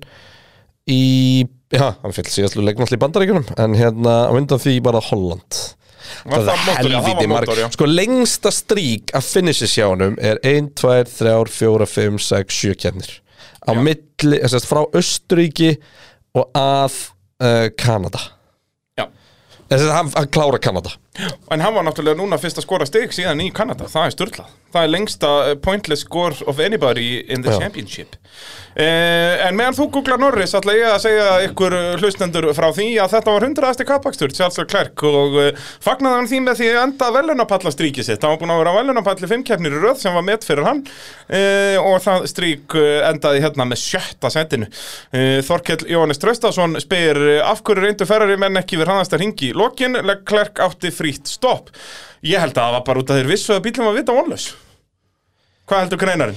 Nei, er það ekki bara, mannstu hvað gerði síðast þegar Leclerc ætlaði að taka ræðasta Ætla- ring ætlaði ekki að taka eitthvað róþara refsingar og eitthvað, shit, sko þetta maður er búin að gleyma því hvað þið voru miklir fáettar En er það ekki bara málið, þeir bara trúðu ekki að þeir gætu það Þeir voru, þeir, er ekki bara punktinu sá að þeir ætlaði að býða jafn lengi og hægt var og og sáu svo resel komið sá svo Russell komin og vissu bara að voru ekki að fara að ná því og þá leitur þetta bara ennþá blöðurlega út fyrir það já, ég held að það sé Ég nákvæmlega held að svona. Ferrari hafi bara svona vilja vera bara svona skuggi hérna Já, Þeir bara enda vildu þeir bara bara- hverfa og gleymast og því að þeir voru þeir bara voru ekki í hvergi. útsendingunni sko. Nei. það var bara, það var rétt á fyrsta ring sem við töluðum eitthvað um undanlega, klerknaði að vinna sig upp hann var komin upp á hliðið sænt svo eitthvað svo bara sáist þeir ekki í útsendingu Uh, skiljanlega, þar sem maður var ekkert að frétta þú veist, verðstappin að koma með pitstop á það eftir 20 ringi Jöp, Eh, Brynjar Hafstensson spyr, er framþróunin bara engan veginn hjá Ferrari eh, virðist eh, vera að fara aftur að bakk og það er náttúrulega bara búið að- að- að hætta að þróa þennan bíl, þau eru bara að byrja að fókusa á næsta ár og, og eru þá ekki að gera það með því að setja uppastur á þennan bíl, heldur eru bara alveg já, að vinna sér í vesmiðinu á, á bíl næsta árs, ólíkt til dæmis Mercedes sem er að koma ennþá með uppastur á bílin núna sem að er væntalega framþróun samt á bíl næsta árs þannig að eh, já, það er ástæða fyrir að Mercedes eru núna orðið bara betra liðið þarna í, í þessum slagum annarsætti algjörlega og, og það er bara það fyrsta sem að, sem að Ferrari þurfa að laga þeir þurfa bara að kunna að keppa með heimsmeistara til aftur Já, þeir eru náttúrulega síðasti titill sem þeir runnu ökumestitill er bara Kimi Rækonin 2007 sko. Ég held að þróunin sé ekki beint aftur á bakki á Ferrari Ég held að Ferrari-bílinn hafi bara verið svo langbestur hann í upphæði að þið þurfti ekki að taka ja, mikið á dekkjunum og hinni til þess að uh, f- þú veist, vera að berjast um sigur Mhm. og þar leiðandi þá hérna þegar þið þurfti þess þá bara komið ljós að bílinn slítur dekkjunum meira sko. en hann er búin að vera fítn á dekkjunum núna í síðustu tveimur keppnum þannig að hérna, Brasilia gæti alveg orðið áhugaverði ef að þú veist, þetta er náttúrulega ekki að kosta þau næstu í að mikið og, og þarna þessi hæðamunur skilur Nei, nei. þannig að hérna Þetta ferri er þá ættalega ekki- að geta verið með Henda þeir ekki í Execute Order 66 eða? Nei, þessi tveir er ekki fyrir Nei, en bara þú veist eh, Emperor Palpatine Meiri bara gefið líkur- henni skipun meiri líkur að hérna að uh, bara fettil og stról kjara hvernig annan sko. Já, ég það bara Mercedes strákennir þeir voru nú nálætti hérna, hvar var það á beinakablanum sem að það var alveg fáránlega nálægt það var alltaf bara á fyrsta ring sem að Nei, ég er Ham- að tala um, hérna, mannst ekki eftir, þetta var í, var þetta í Sandvort, já, eða ekki? Jú, þegar Hamilton Bara blokka hann blokka bara. Russell bara, Já. nei var það öf Eða, þú nei, veist, Hamilton er að fara, ég man ekki hvernig það var, en þeir eru að farulega nálægt. Já. Það er svona, ef ég ætti að gíska á eitthvað aukumannspar sem slíðsfélag að klessa á hvern annan, Russell Hamilton ja, nei, reynda stról og fettil er gott Alltaf. sjátt, sko, mjög gott sjátt. eða Magnúsen og Sjúmakker eða eitthvað Já, svona. Alonso Okkon eru líka alveg líklegir sko. Já, já, og það Alonso er svo mikill maður fokkar. Já, sko, hverju myndi aldrei gera það? Sko, Gastli og svo Nótarla skrítið þeir sér ekki búin að gera Já. það uh, Bottas og Joe er aldrei að fara að gera það Verstappen og Peris gera það ekki út að þeir eru bara aldrei nálægt að Nei, grötinu. Norris og Ricardo er svolítið sveipað Já. En Ricardo er samt alveg motherfucker þegar hann kemst í þennan slag Já, eins og við já, sáum um eins og við helgina, sáum um helgina. í stuði En hérna, já, þetta er, en þetta er allavega ástæðan fyrir því eins og ég var að segja náða með mótorinn ástæðan fyrir að Ferrari bara átti ekki breyk og svo komið bara bílnum aldrei í svona hvernig voru það, bara grúf, skilur við Akkurat uh, Tölum þá um Mercedes uh, sem er í þriðasetti í heimsættarumótinu eins og ég sagði áðan uh, 40 stegum eftir Ferrari uh, Hamilton komur upp í fimmtasetti með 216 steg en Russell ennþá undan honum í heimsættarumótinu í fjórðasetti með 231 og þeir enduðu í öðru og fjórðasetti í þessari keppni uh, Arnór Snær spyr uh, hvað veldur því að liðin hafa enga hugmynd um hvernig dekkin uh, haga sér þegar að kemur að keppni hafa æfingarnar ekkert að segja og þarna náttúrulega er það aðalega það að liðin fengu ekki æfingar tvö, basically Já, og brautin þróa svo svakalega Já, Þannig og að æf- það, liðin þú veist, það voru- sem þú gerir í æfingu eitt er basically useless fyrir keppnina sko Já, og yfirleitt finnst okkur þetta skemmtilegt Já. en það er, nú erum við búin að komast að því að þetta er bara skemmtilegt ef að það er í hináttina ef að dekkin spænast meira en Já. liðin gera ráð fyrir ef það er þannig að dekkin spænast minna að þá er það ekki, eða svo sem þetta hefði verið geggjað ef að það voru Red Bull sem að tóku vittlösa strategíu, skiluru Ég er bara ekkert viss um að þetta hafi verið vittlust Það hefði ekkert breyst þótt að Hamilton hefur verið mjög dekkin Nei, og það er náttúrulega stóra spurningin uh, hérna, eða, sest, já, stóra talking pointi hérna, þú veist, hefði Hamilton náða að vinna, hefði hann keitt, þú veist, 40 ringi á millur og sett mjöngutekkin undir eins og Ricardo gerði. einu stóru mistökin sem ég fannst Mercedes gera í strategíu um, Já, mér fannst Mercedes kannski soldið svona tunnel visiona á það sem að þau voru búin að reikna út fyrir keppnið mm En það hefur yfirleitt virkað mjög vel fyrir Mercedes að vera ekkert að fokki í hlutunum sko. Þannig er Mercedes. Akkurat. Eh, Þetta er bara batteri og svona vinnur er. En samt, þú veist, that said þá er þeir frægir fyrir að að koma hratt á, á mjögundekjunum í restina Sessla Hamilton, þú veist, mm. Ungarland eh, Barcelona, uh, það er svona ýmislegt En uh, skitan að mínum að þið var að hlusta ekki á Russell sem hafði enga tapa En máli er Russell sagði það þetta á hverjum einasta ring, sko, bara Ma, þessi já, dekk en eru máli er ógeðsleg. það að fer, uh, Mercedes byggust alltaf við að þau væri búin að ná að þvinga Red Bull nógu snemmin Já, og þú veist, þú voru bara að býða Þá eftir kemur að þessi hitt. millur dekk væri að fara að Já, rinja. þá kemur hitt sem er, þú veist, þú þarf líka að kommitta á strategíu til þess að hún virki því ef þú, ef, ef þeir eru beðið í auka fimm ringi skilur við, eins og þið gerðu svolítið með Russell þar var keppnin farin því hann var þá einhvers staðar aldrei á einhverju agressífri áallun Nei. skilur við og hérna, og, f- og Mercedes er ekki að fara að vinna Red Bull bara á hraða, við slum ekki gleyma því við erum aldrei gleyma því á þessu tímabili við erum alltaf að rósa Red Bull fyrir þú kemst átlun, kemst það er samt miklu léttara að negla kemst átlun, þú ert alltaf með bíl sem vinnur upp hraðan sem þú tapar og gerir mistök sko. Já, það er alveg ástæða fyrir að Ross Brown er mestir mastermind í formúlunar efer, það er út af Mario Hann- Ferrari en ekki Jaguar. sko. og með Mikael Schumacher, Já. skilur við og það er að sama sem Red Bull eru með núna Já. Red Bull er, ekki- og, og ekki, við erum ekki að gera lítið úr á sprónum þegar við segjum þetta hann eldi þess Já, að hluti, algjörlega. en hann var með allt til þess, þú veist, hann var með bufferinn til að gera mistökin og það er það sem að Red Bull er með í ár um, Red Bull fóru jafnvel aðeins og snemma inn þá ef þeir ætla að láta þessa strategíu vera fullkomna skilur við, þú veist, miða við hvað mjúkudekkin enduð og endast lengi og allt Já, og við annað. heyrðum það í talstöðunni til Vestappen að liðið sagði bara, heyrðu þessi mjöngutekka var ekki daðinn og þú veist, eh, Daniel Ricardo er sá sem við bendum á og allt hann alveg en Daniel Ricardo var samt bara að enda á svipum stað og hann var komin í upphafi sko. Já, já, nema bara munum svo að hann er að púla þetta 10 sekundar gap skilur við um, og ástæðan fyrir að sérst, basically bara tölvan hjá Mercedes var bara að segja, þú veist, Russell er núna bara að tapa það miklu og ringa, það vinst aldrei upp á mjúkudekjunum og þú veist það getur bara vel verið að þessi rétt hjá þeim,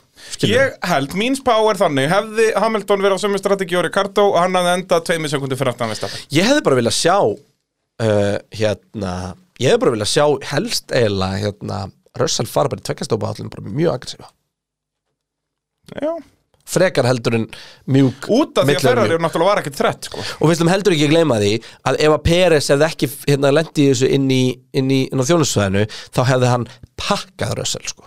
Þannig að Já, Russell, og þú verið veist- á undan Hamilton já, já, ég er bara að tala um, þú veist, við erum að tala um það sem svona barometrin sko. en ég meina, Eh, En en, náttúrulega Andris nær spyr hérna Þú veist, ætli Russell hafði getað náð tjekk og hafði hann pittað undir virtual safety car Spurning á, á hvenær var mjúkudekjunum. við síðan aftur?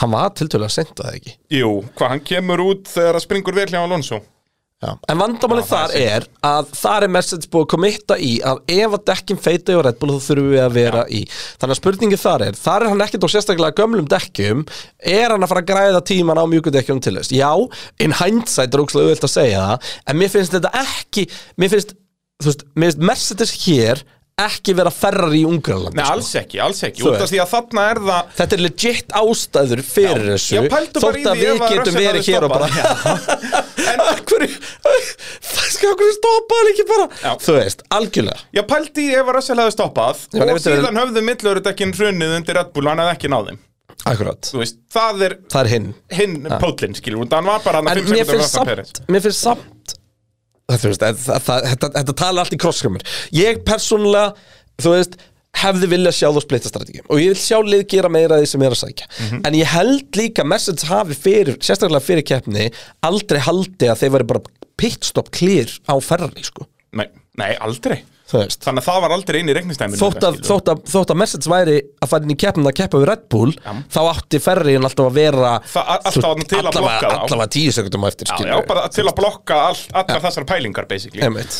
En Þú veist, hérna, það, það, er, það er galið að Mercedes eigi, og í fjórðasæti eigi frýtt pitstop á ferri sem ekkert kemur fyrir í keppni já, voru bara að kera sína kefni Það Djúvill er hefur bara þetta verið fáralegt ógeðslega leiðilegu dagur hjá Sainz og Já. Leclerc Bara agalegt Shit. Út af þau gáttu ekkert Nei. gert, sko ekki neitt uh, Árni Barðarsson og Robert Örd spyrja hérna uh, var þetta síðasta tækifæri Lewis Hamilton að sigri og eh, fór ekki síðasti möguleiki Mercedes í vaskinn þarna í, bíllinn er bara orðin ágættur þú veist, þeir, þeir eru ennþá hægar en Red Bull en þú veist, ég Nei, þeir eru ekki hægra Red Bull, þeir eru hægra Max Verstappen Já. um,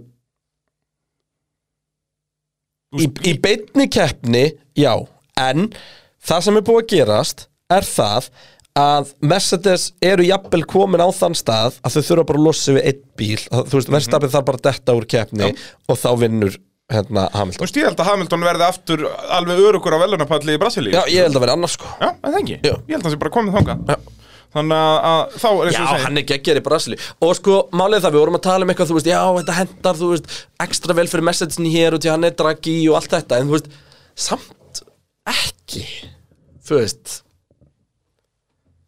Það var ekkit við þessa braut sem átt að draga eitthvað magna fram í bensinum endilega Nei, þú veist, þegar við vorum að tala um þetta fyrir fimmkeppni síðan Þú veist, þegar vorum að líta yfir hvaða keppnir eru eftir Það var aldrei eitthvað, já, hörðu, bensin verið geggjar í Mexiko Já, ég er enda myndist á það, að mögulega Út af myndi þunnaloftinu, þurrna loftið þetta er hjálpa sko. Jokerbraut, Og, vissulega. já, En málið er bara það, þú veist Já Þa, Það var ekki bara þunnaloftið sem hjálpaði Red Bullina Það sem hjálpaði Red Bullina var turbinusmiðin á uh, rununum og svona í gamla daga og, og hondunni Þú veist, á mó- meðan að Mercedes var hérna með splitt little turbinunar skilur Mhm.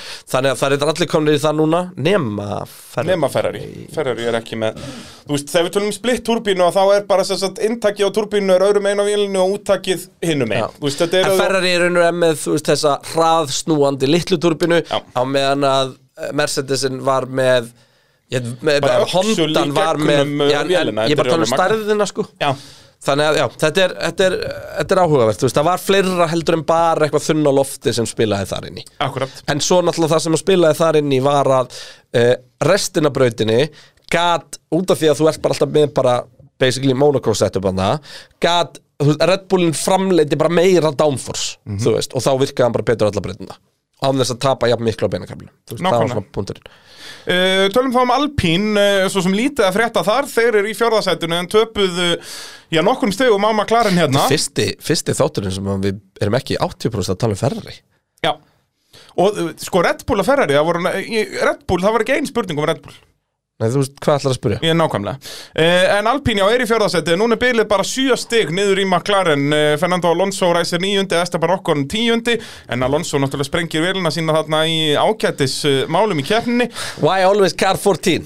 Why always car 14? Þetta sagði hann Þetta sagði Í hann talstöðinni. eh, Já, og uh, okkur skaut í staðin í einhverju viðtölum eftir að fórum að tala um að bíl 31 var alveg búin að bila líka Já, en ekki ég meina- nálætt í að mikið um Alonso og þess vegna er Alonso ennþá eftir okkur í heimsöndaramóndinu Algjörlega og hérna, ég, þú veist, Alonso búin að vera frábæra á þessu tímbili en, en hérna, hann keri tólringi eh, án einsilindars 12 ringi, það er svoleiðis Vélum byrjaði að missa þess að droppa silindar tólfringum án um og sprakk Þannig að hann vann 5 sinlitarflokkin hann, vann f- nei, hann kláraði ekki Já, já, nú veist Hann fór lengst af 5 Hann fór lengst, það er, það- hann fór flesta Ég ringi veit ekki hvort hann fór alla hringina án þess en hann var allavega að byrja að þú veist, eitthvað þetta bara, að prumpa. bara eitthvað að prumpa og svo bara á endanum var þetta bara ein gömul og góð sprenging Bara En þetta var nákvæmlega eins og old okkur í school. Singapúr Bara okkur var svona líka, bara eldklæringar og stemming sko. En svona gerist ekki lengur Nei, ég veit það Eitthvað að, að hérna að bíl missi silendir Já, já. Hvað bara, Þetta er herru, bara 88 kertið- stemning, sko. Kertið er bara ekki, það er blöytt Já, blött kerti sko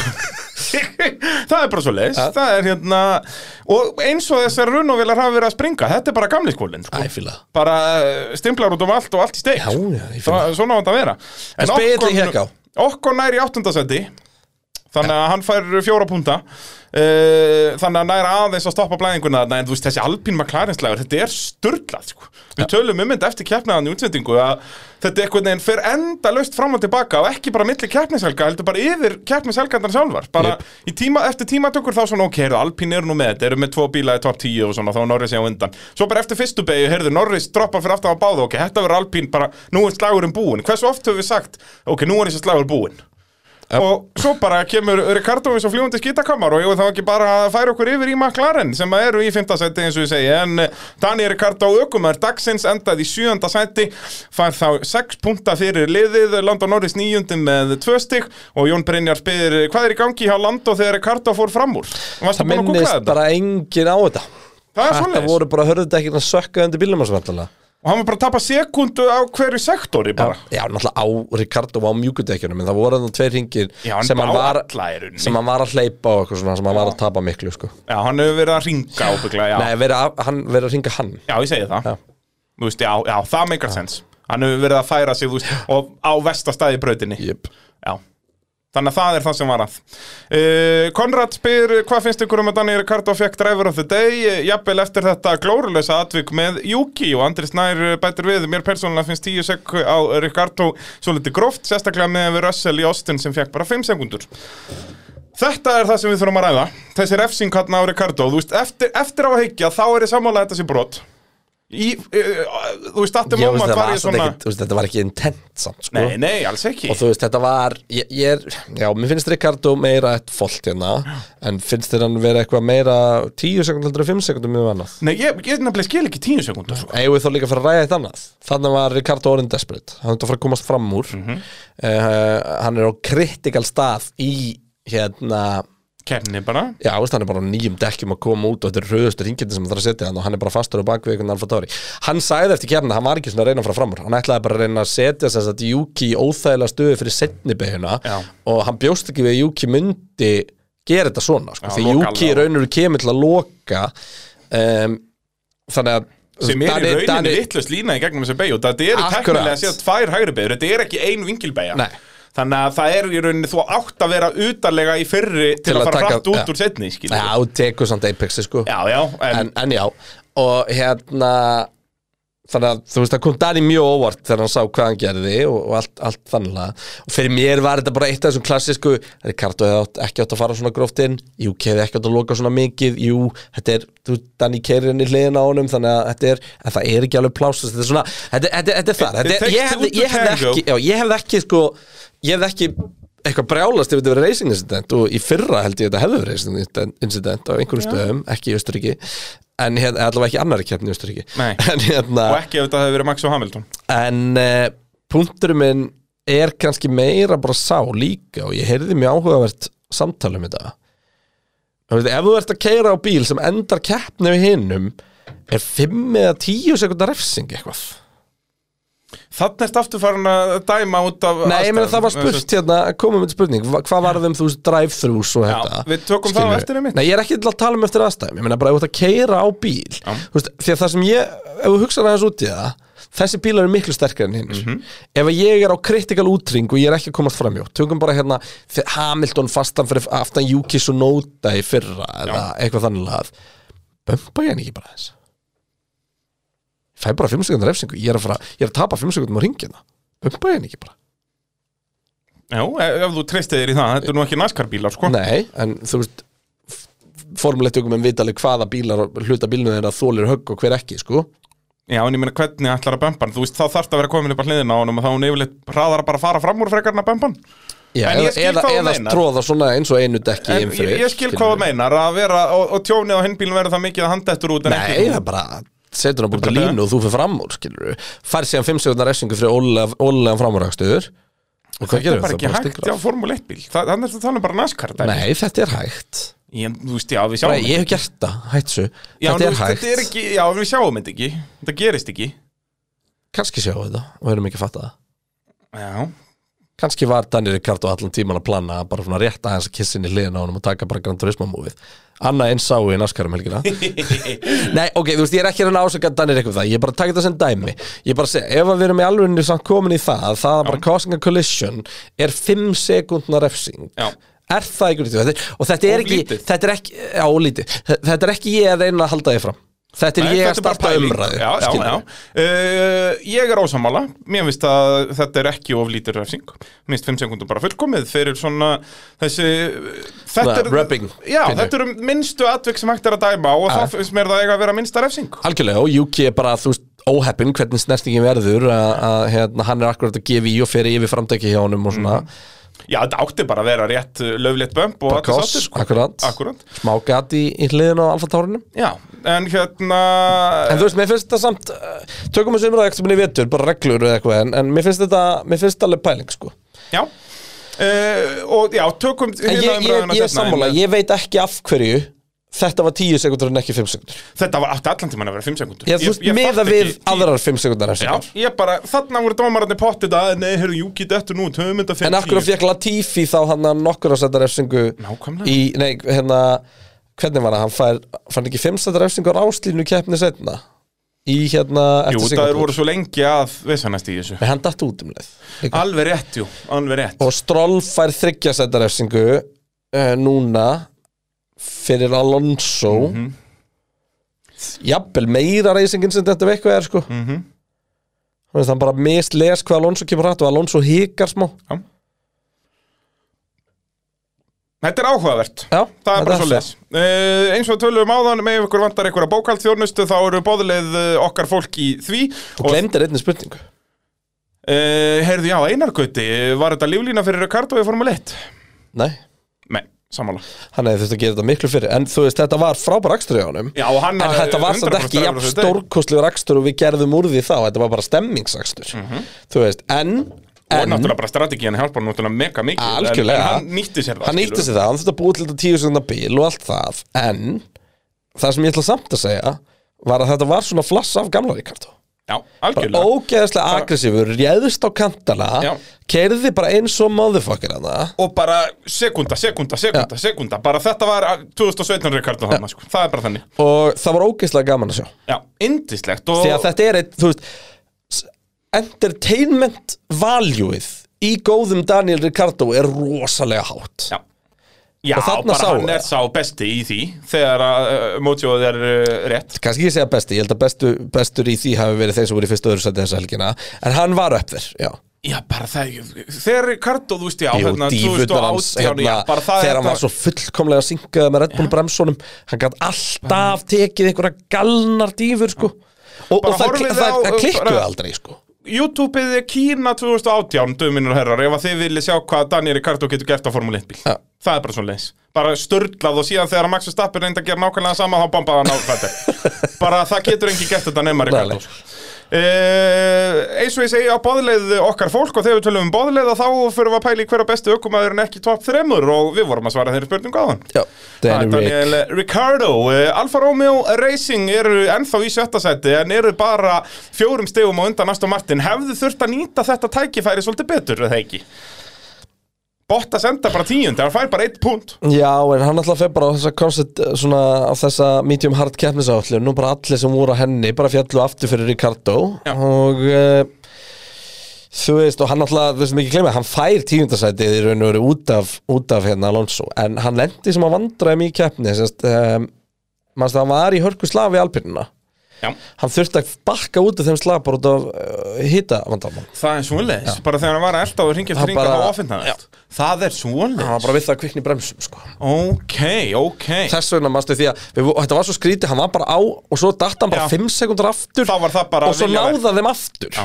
þú veist, en þá var það sérst viljaverk en, en Ferri náttúrulega var bara ekki með hraðan alltaf að fara fram úr Nei, hann vann það Ferri alveg. móturinn sko Já. þannig að Uh, þannig að, já, Bottas nær bara eins og einast í, hvað New Joe komst ekki í stegasendi Nei, var samt solid alla helgir, 12 Já. í tímatökum og ég, segi, ég er bara peppaði fyrir Alfa Romeo, þetta lítur vel og náttúrulega risa fréttina með Audi sem við coverum í, í, í hérna pittinum.is þættinum að að Audi tekur yfir Alfa Romeo liði frá, eða sérst sáberliði frá 2026 Þannig að Og það ég, er ég mjög er mest spennandi. peppaðar að sjá Sáber aftur í Formule 1 á þar næsta ári Já, vonandi komaði með eitthvað cool livery Já, ég, þú veist, eitt af mínu flottasta lifur ég með er Sáberlukki hérna 2017 Þegar hann var uh, blár og gildur Mér finnst það geggja Æ, Kannski var það bara að það var Chelsea-logo framst á bílnum ég hugsa það En hérna, Bjarni Ben með uh, náttúrulega mikilvæga spurningu um Alfa Romeo Þetta var nýtt vektur eða? Uh, heldur betur, uh, fílaða eða fleigðu því nýja hárgreislan hjá Bottas Ég ætla að flegi henni Þetta, já, Þetta er ég bara, held Hann það er bara líka með luppa, hann glemd að fara í klippingu Það er samt sexy sko Nei, ekki að Bottasnum mínum sko. rugged, sko. Ég hef margótt búin að segja það að ég væri til í að gera ímislega hluti með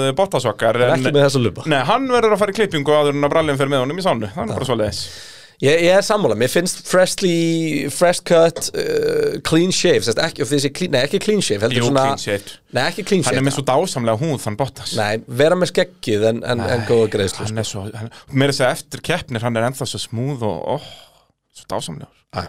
Alveg Hérna- hreint En síðan eins og Fettel, hann virkar sem surfer dude En það Bottas getur það ekki Hann Nei, er alltaf alltaf mikill gentleman. uppáhaldsfettil okkar er tennisfettil Já, því- sko 1978 tennisfettilin með mottuna og, og, og síða, síða lubban Hú, Ég vil að þetta er að sakna fettil Ég held að fettil sé pínu fann að sjá eftir þessu núna Þegar hann svona datt í miðað- mojoið eins og í Já, Texas og þegar svona, að sko. Martin, Aston Martinin er að rífa sig í Sér, gang. Samt, þú sér ekkert eftir þessu gæðin er búin að gera allt sem hann Já, ég meina, hann er ekkert að fara að vinna titil á þessum bílum næsta Hann er ári ekkert sko. að vinna titil og já, það er samt bullandi uppsving á þessu liði Ekki miskilning, ég er ekki að Já, segja að hann er en að það, vinna titil sko, ef að þessi bíl vinnur titil næsta ári þá erum við að tala um það að Fernando Alonso er að gera eitthvað rétt í ökumannsmarkaði sem hefur aldrei gæst Þannig að það eru null líkur að því að það sé að fara að gera En spáði því, ég hugsa að fettil ekki hægt ef að bílinn hefði byrjað svona og væri svo búin að þróa saman Já, 100% Ef að hann væri bara legit farin að berjast við Alpine og Já. McLaren Eins undir og hann langtíma bjóst liðsins. við fyrir tímabilið, skilur við Ég held meira svona búist við að hann væri bara að berjast við þriðasæti sko. Já, nei, þú, nei, ég hugsa að svona realistic Ferrari fælingarnar náttúrulega væru að hann koma væri á- núna já, í, þessum pakka Já, En það og- eru og Ferrari gæti- sem eru odd ones out þar, Já, sko. a- en þannig að hann gæti séð, heyrðu, ok, á næstu Á tveimur, þriggja ára þreimur árum planinu, já. Já, en bara engan veginn, sko, Nei, engan veginn Nei Og líka, líka- þetta, þú veist, mér finnst bara einhvern veginn allt lítið sépið þetta Mér finnst það bara ekki töff Nei, ekki neitt Þú veist, þessi Mike Cracks, ég hefði meira trú Hann á lítur út þessum eins og opnum. tannlæknir, sko, mér líst ekki á þetta Ég hefði að lukkfræðingur Já, einhver svona bara, pff, veit ekki með þetta, veit ekki með þetta Eh, Það er sem er svo gaman við að skoða hérna Sábersuguna sem er nú voru að poppa út um allt Mhm. Þú veist, bæði hérna Fredrik Vassúr og svo náttúrulega bara Peter Sáber og svo hvað hét hún eftir sem kom millitíð hún var fyrsta konan Já, ég man ekki hvað hún heitir, það var hérna 2012 Kam, Kambala eða eitthvað hérna, Frá Sviss en það ekki þú veist, það er alltaf bara óksla næs allt í kringum þetta og það var mjög gaman, formúlan var að deila um þarna mynd sem að þú bentum mér að horfa á um, Já, bara eða YouTube-vídeó svona fim- hérna. 15 minna mynd um Já. sögu sáber þetta er miklu áhugaverðin heldunni held Já. Þú veist, gæin actually fær, hann, ha- hann hafði engan áhuga á bílum Nei, en hann fekk allt í einu áhuga á því að reyna að gera bjöllunni sinna öfluri Já. og það gekk svo vel að hann fór að keppa á henni það gekk svo vel að hann smíðaði kapparsbíl það gekk svo vel að hann var meistari að- með fyrsta bílnum sem hann smíðaði Og þá svo svona allt þurfti í hann bara einhvern veginn að halda já, áfram. og svo bara allt í einu er hann komið með fólk í vinnu að smíða bara Mercedes Works Já, lumanbíla og by the way, þetta sest, Peter Sauber næra að fá Mercedes aftur í formúl, nei, aftur í Motorsport. motorsport bara Já. eftir Le Mans disaster og svo fær Mercedes Peter Sauber til að starta Formule 1 liði Mercedes en Já. beila Já. þess vegna verður Sauber Formule 1 liði til hann ætlaði aldrei í Formule 1 Nei, þetta átti að vera vörkspenslið Já, en hann var bara búin að ráða hundra manns í vinnu Já. og hann bara, ok, Á, hann ég bara fer þurfa- ég í Formule 1 eða, eða þó ég eða reka allt reka, hvað fólk já ég segi það, sem eru búin að hérna, gefa blóðsvitt ég og bara tár flytja til Sviss og Já. eitthvað, skilur við. Þannig að hann hugsaði, heyrðu, ég bara, ég verða að fara í formúli Heyrðu, ég talaði hérna e, e, Dietrich Mattisits og vonandi fæ ég En ykkur það frá er, allt, honum og það eitthvað er allt til staðarna ógæðislega fyndi þess að það er að gera hérna, Horner er alltaf að gera svo lítið úr vindgöngunum í Red Bull og vilja meina sérst, að þetta sé ekstra slæmt fyrir Red Bull þegar Red Bull er með elstu og lélugustu vindgöngin í Formule 1 Já, ég vissi það nefnilega ekki, þetta er bara gömlu Stuart Ford sko. sem eru bara að smíða þannig 97 bara nei, býtu, gömlu Stuart Ford voru þau sem að Karlin átti þeir kiftu það Stuart Ford Þá er þetta eitthvað aðeins nýra, þá er þetta bara Jaguar eða eitthvað Já, eitthvað En er það þannig. smíða bara rétt upp úr aldamótum? Já. á meðan að sem sagt, flottustu eru hjá Sáber Nei, ég er alveg rétt já. Formúla notar þau til- Formúla leiði bara vingungina Sáber til að þróa til að þróa þessa bíl 2022 bílum. Ég man eftir Já. því, þú veist litla móteli sem við Já. sáum fyrst aðna Alltaf í 2020 göngunum eða hjá eitthvað. þeim. Alltaf í sábergöngunum Enda þú veist, þetta lukkar eins og þetta sé bara inn í einhver svona evil henchman's lair En Þú veist, þetta er þetta í Sviss sko Ja, þetta er upp í Ölpunum ykkur Já, staðar, já, þetta er geðveikt. bara, þetta er svona eins og bara hérna Líka bara í einhverju bæ sem heitir Hinvil Það myndi aldrei neitt halda að vera neitt mont að gerast í Já, Hinvil svo bara ferðu upp í uh, fjöllin og það er bara svona uh, dæmi bara eins og Hydra eru hérna í Captain America, bara svona það eru gluggar á fjallinu og svo bara er verið að dandalast að smíða Formule 1 bíla Ég fíla það. alltaf svona uh, seint að Sápa er föstudum bara svona lið sem öllum koma þykir vænt um. rumbles, já ég veit það þetta eru the und- fullkomna underdoginar Þetta er fjölskyldulegi í Formule 1 sko. það er bara þannig uh, Aston Og líka, uh, líka gaurinn sem kefti það Þannig að fjárfyrstingagrúpan sem að ég meinti núna bara búin að vera Nei, ég er ekkert að fara að selja þetta lið nema því að ætla að gera eitthvað með það Skilur, gera eitthvað almennilegt og allir haldi vinninu sinni og eitthvað þannig Þessna var hann ekki til í Andretti dæmið og, og það allt sko já, já, bara, og hva, hvernig var þetta aftur hann vildi selja liðið á eitthvað þú veist, s- eitthvað x-upphæð og að það væri sem sagt lagður inn á reikning liðsins við kaup peningur til að reka liðið að minnstakosti í fimm ár, þú veist bara 500 og, eða þá, nei hvað, já Eitthvað Tæp- hellingur. þú veist, 750 miljón dollarar bara þannig að, já, Bara þannig að sé garantera að þeir séu ekki að fara að krosskappið labba í burtu bara. næstu fimm árin inn á reikning, takk Þannig að það er bara þið verðið að, að kommitta, skilur við, skiljanlega. veist, ekkert business pælingi því Nei, nei, bara bara að þannig passa að- bara allir haldi vinnu og svo bara halda þessu integrity sem að Pítis ábyrða með Jep. gekkja sko Uh, tölum þá um Aston Martin sem er í sjöunda seti eins og ég sagði áðan bara fjórum stegum á eftir sjötta setinu sem Alfa Romeo setur í uh, stiga lausir þó núna ekki neitt að frétta Fettel 14. og Stroll 15. Nei, og engin legit ástæða fyrir því. Nei, svo sem ekki, sko, Anton Örd spyr hérna eh, sem sagt, eh, Stroll var skráður með tvö stopp í grafíkinni þegar síðasti maður var að koma inn í fyrsta stoppið er það rétt, fór hann medium soft soft eh, komin að þriðja dekkagangin fyrir ferstuöftarhing, já Já. hann ræst á medium, stoppaði á átjóndarhing fyrir soft Og En það var fylgdi honum, það fylgdi honum engin hann var líka bara í DRS-lest og alltaf, Já.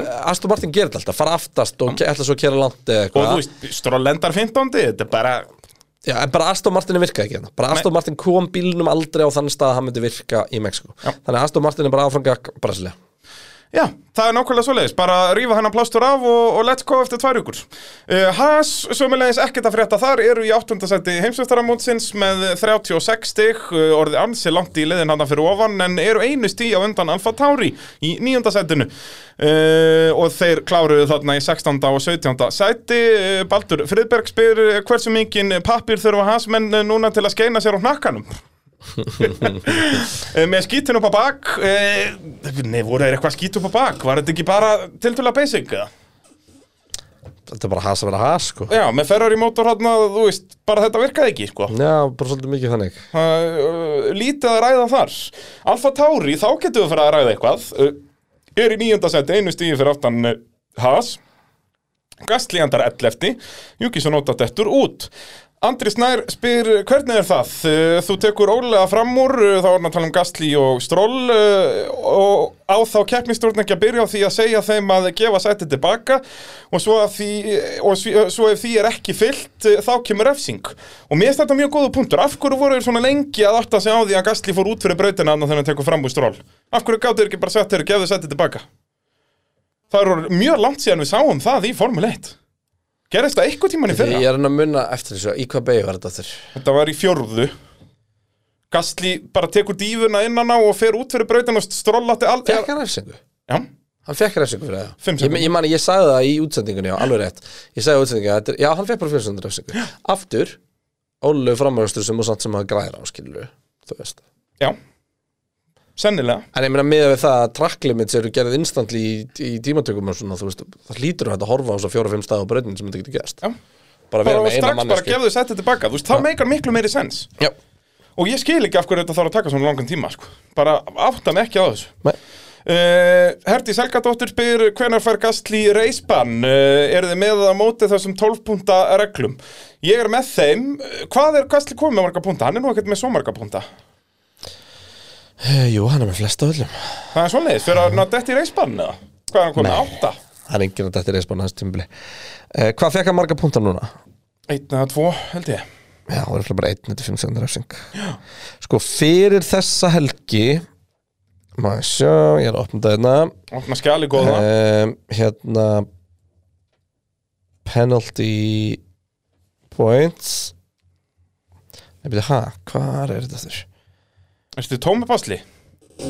Er þetta ekki, já, ertu að reyna að finna í skjalinu hérna dataskjalinu ég nokkar held þetta væri neðst En í eh, þessu. Gastli allavega, hann er ekki Það er svolítið langt í að hann fái einhverja refsingu að viti, held ég já, ég held að sé langt í að allir en hann var allavega með, sko, eftir Japan fekk hann helling, sko Já, vissulega, vissulega og fyrir hann er búin að, fá algjörlega missa svolítið sig. mikið á þessu tímabili maður svo, ég er að skrolla inn í gangið skjæli er hann að finna þetta, þetta er svo ógeðslega langt uh, það lítur ykkur heima síðan sem er með þetta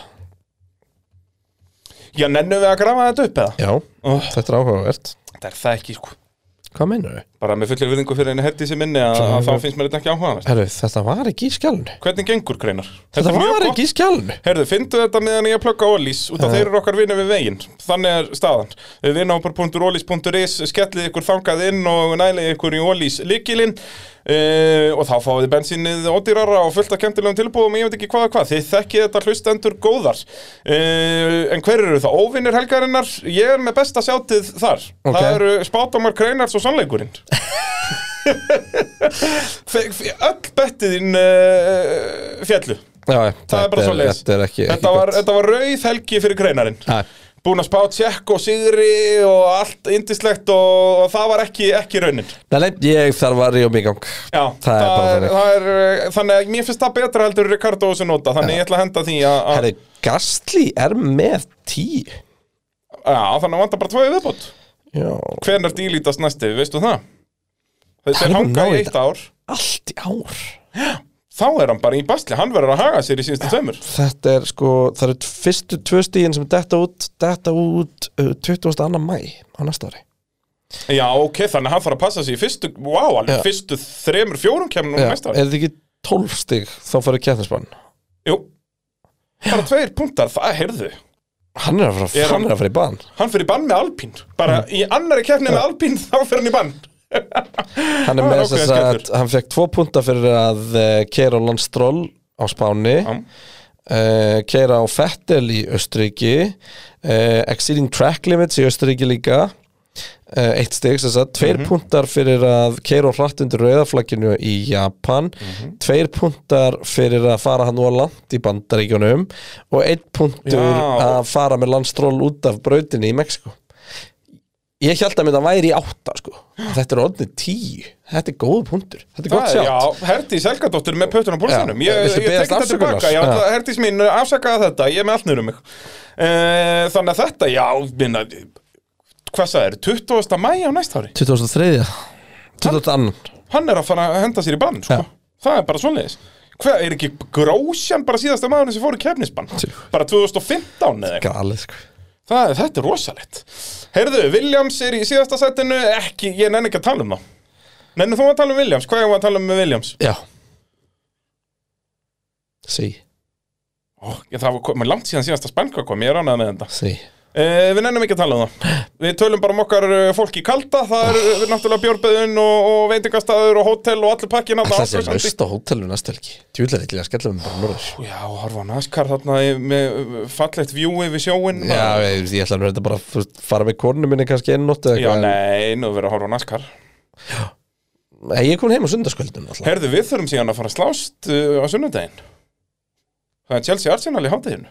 Já, við þurfum kannski bara að hittast og horfa á það Já, já, Bell, að þú Skottast lýgur- niður í arena, Þú eða? lígur bara fjölskyldurnu og segir bara, heyrðu, nei, það er formúli í dag, ég þarf að fara að hitta bralla Já, það, ég, ég held að þau kaupið það alveg Við förum niður í arena og það er líka svo hvað góð vikt í stólunum þar, sko ef, maður, ef ég ætla að berja þig með stól klassíska bartrykkið, sko taka back bara Já, nei, það er bara eitt svona gaming chair Þeir eru með þannig, Æ, skilur þetta við bara- að einu hodninu Einmitt. Nei, Tekið það var, svoleiðis og það var, berði. þeir voru, það var bara að vera að bæta við til og svo Út af að formúla að koma, það var dásanlegt Við Og tókum svo náttúrulega uppbytun upp í arena núna Já. fyrir kefni, það var dásanlegt Svo er náttúrulega Peter Life 12.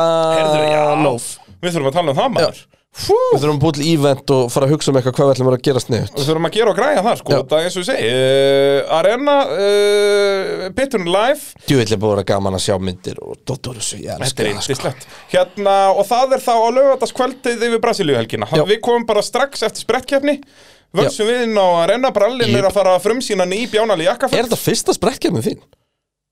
Að lýsa? Já, Nei, ég náði, náði ég ekki Brasilíu í fyrra var það? Já, en þengi, hvað átti ég annað að vera að gera? Ég veit það ekki, Ég náði Brasilíu í fyrra nú er bara að slið fyrir það Já. Nei Þú ná- Nei, mér Nei, þú minnir að ég varst ekki hafi ekki bandaríkjunum ennþá örugglega. Nei, ég fór ekki til bandaríkina Já, þú ég er, ég er viss um það að við vorum með Ég var einn í öllum sprekkjarnum Af hverju var, var ég bara veikur eða eitthvað? Já, var það ekki Nei, það var bandaríkin Já Ég, ég bara, ég, ég, ég manna ekki Eh, Nokkrar auka spurningar hér í endan áðunum fyrir mig í spátumskeppnina Magnús Ingólfsson spyr eh, hvað varð um drive-thru stop-go penalty kerfið að mínum mati verður refsingin minni ef þú getur geimt hana til loka og það er náttúrulega, úr drive-thru refsing er náttúrulega 30 sekundar refsing og það er djöfull hægt Drive-thru 20 sekundar refsing Stop go 30 sekundar refsing Já, já, já, akkurat Það er Þannig bara, að- þú veist En, Það þú er veist, bara það er, þú veist, eins og Alonso í, í bandaríkjónum hefði fengið drive-thru, eh, nei, stop-go ef að keppnin hafði ennþá verið í gangi sem Já. hefði náttúrulega verið þvæla og þeir enda að taka það í burt uh, sérst dílita þeirri refsingu Já. en sérst, já, við sjáum þetta bara mjög sjaldan út að þetta er svo þung refsing, þú Einmitt. þarft að gera eitthvað óskunda af þér, sko Já.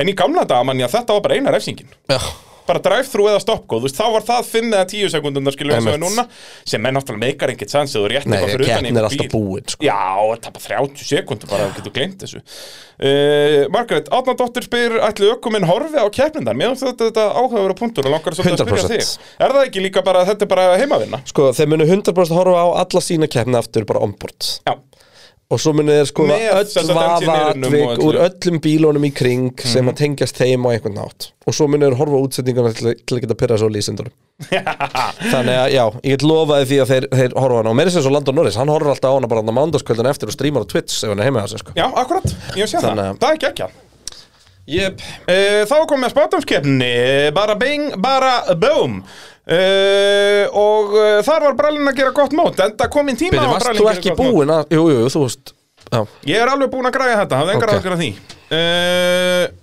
Og uh, þú varst með Peres í fyrsta seti með allt nýrið, það eru mínus tvö stig þar uh, Max í öðru mínus eitt, Hamilton mínus eitt, Sainz mínus eitt, Russell mínus eitt Svo ertu með Norris mínus þrjú í sjötta setinu Alonso náttúrulega skellurinn hann hann dettur út, hann er mínus tólf Og Fettel ertu með í áttunda, þannig að það eru mínus sex Þannig að þetta eru 26 mínus stig sem að kreinarinn fær Og er því komið 579 stig Brallinn uh, með Max í réttan í fyrsta, pá!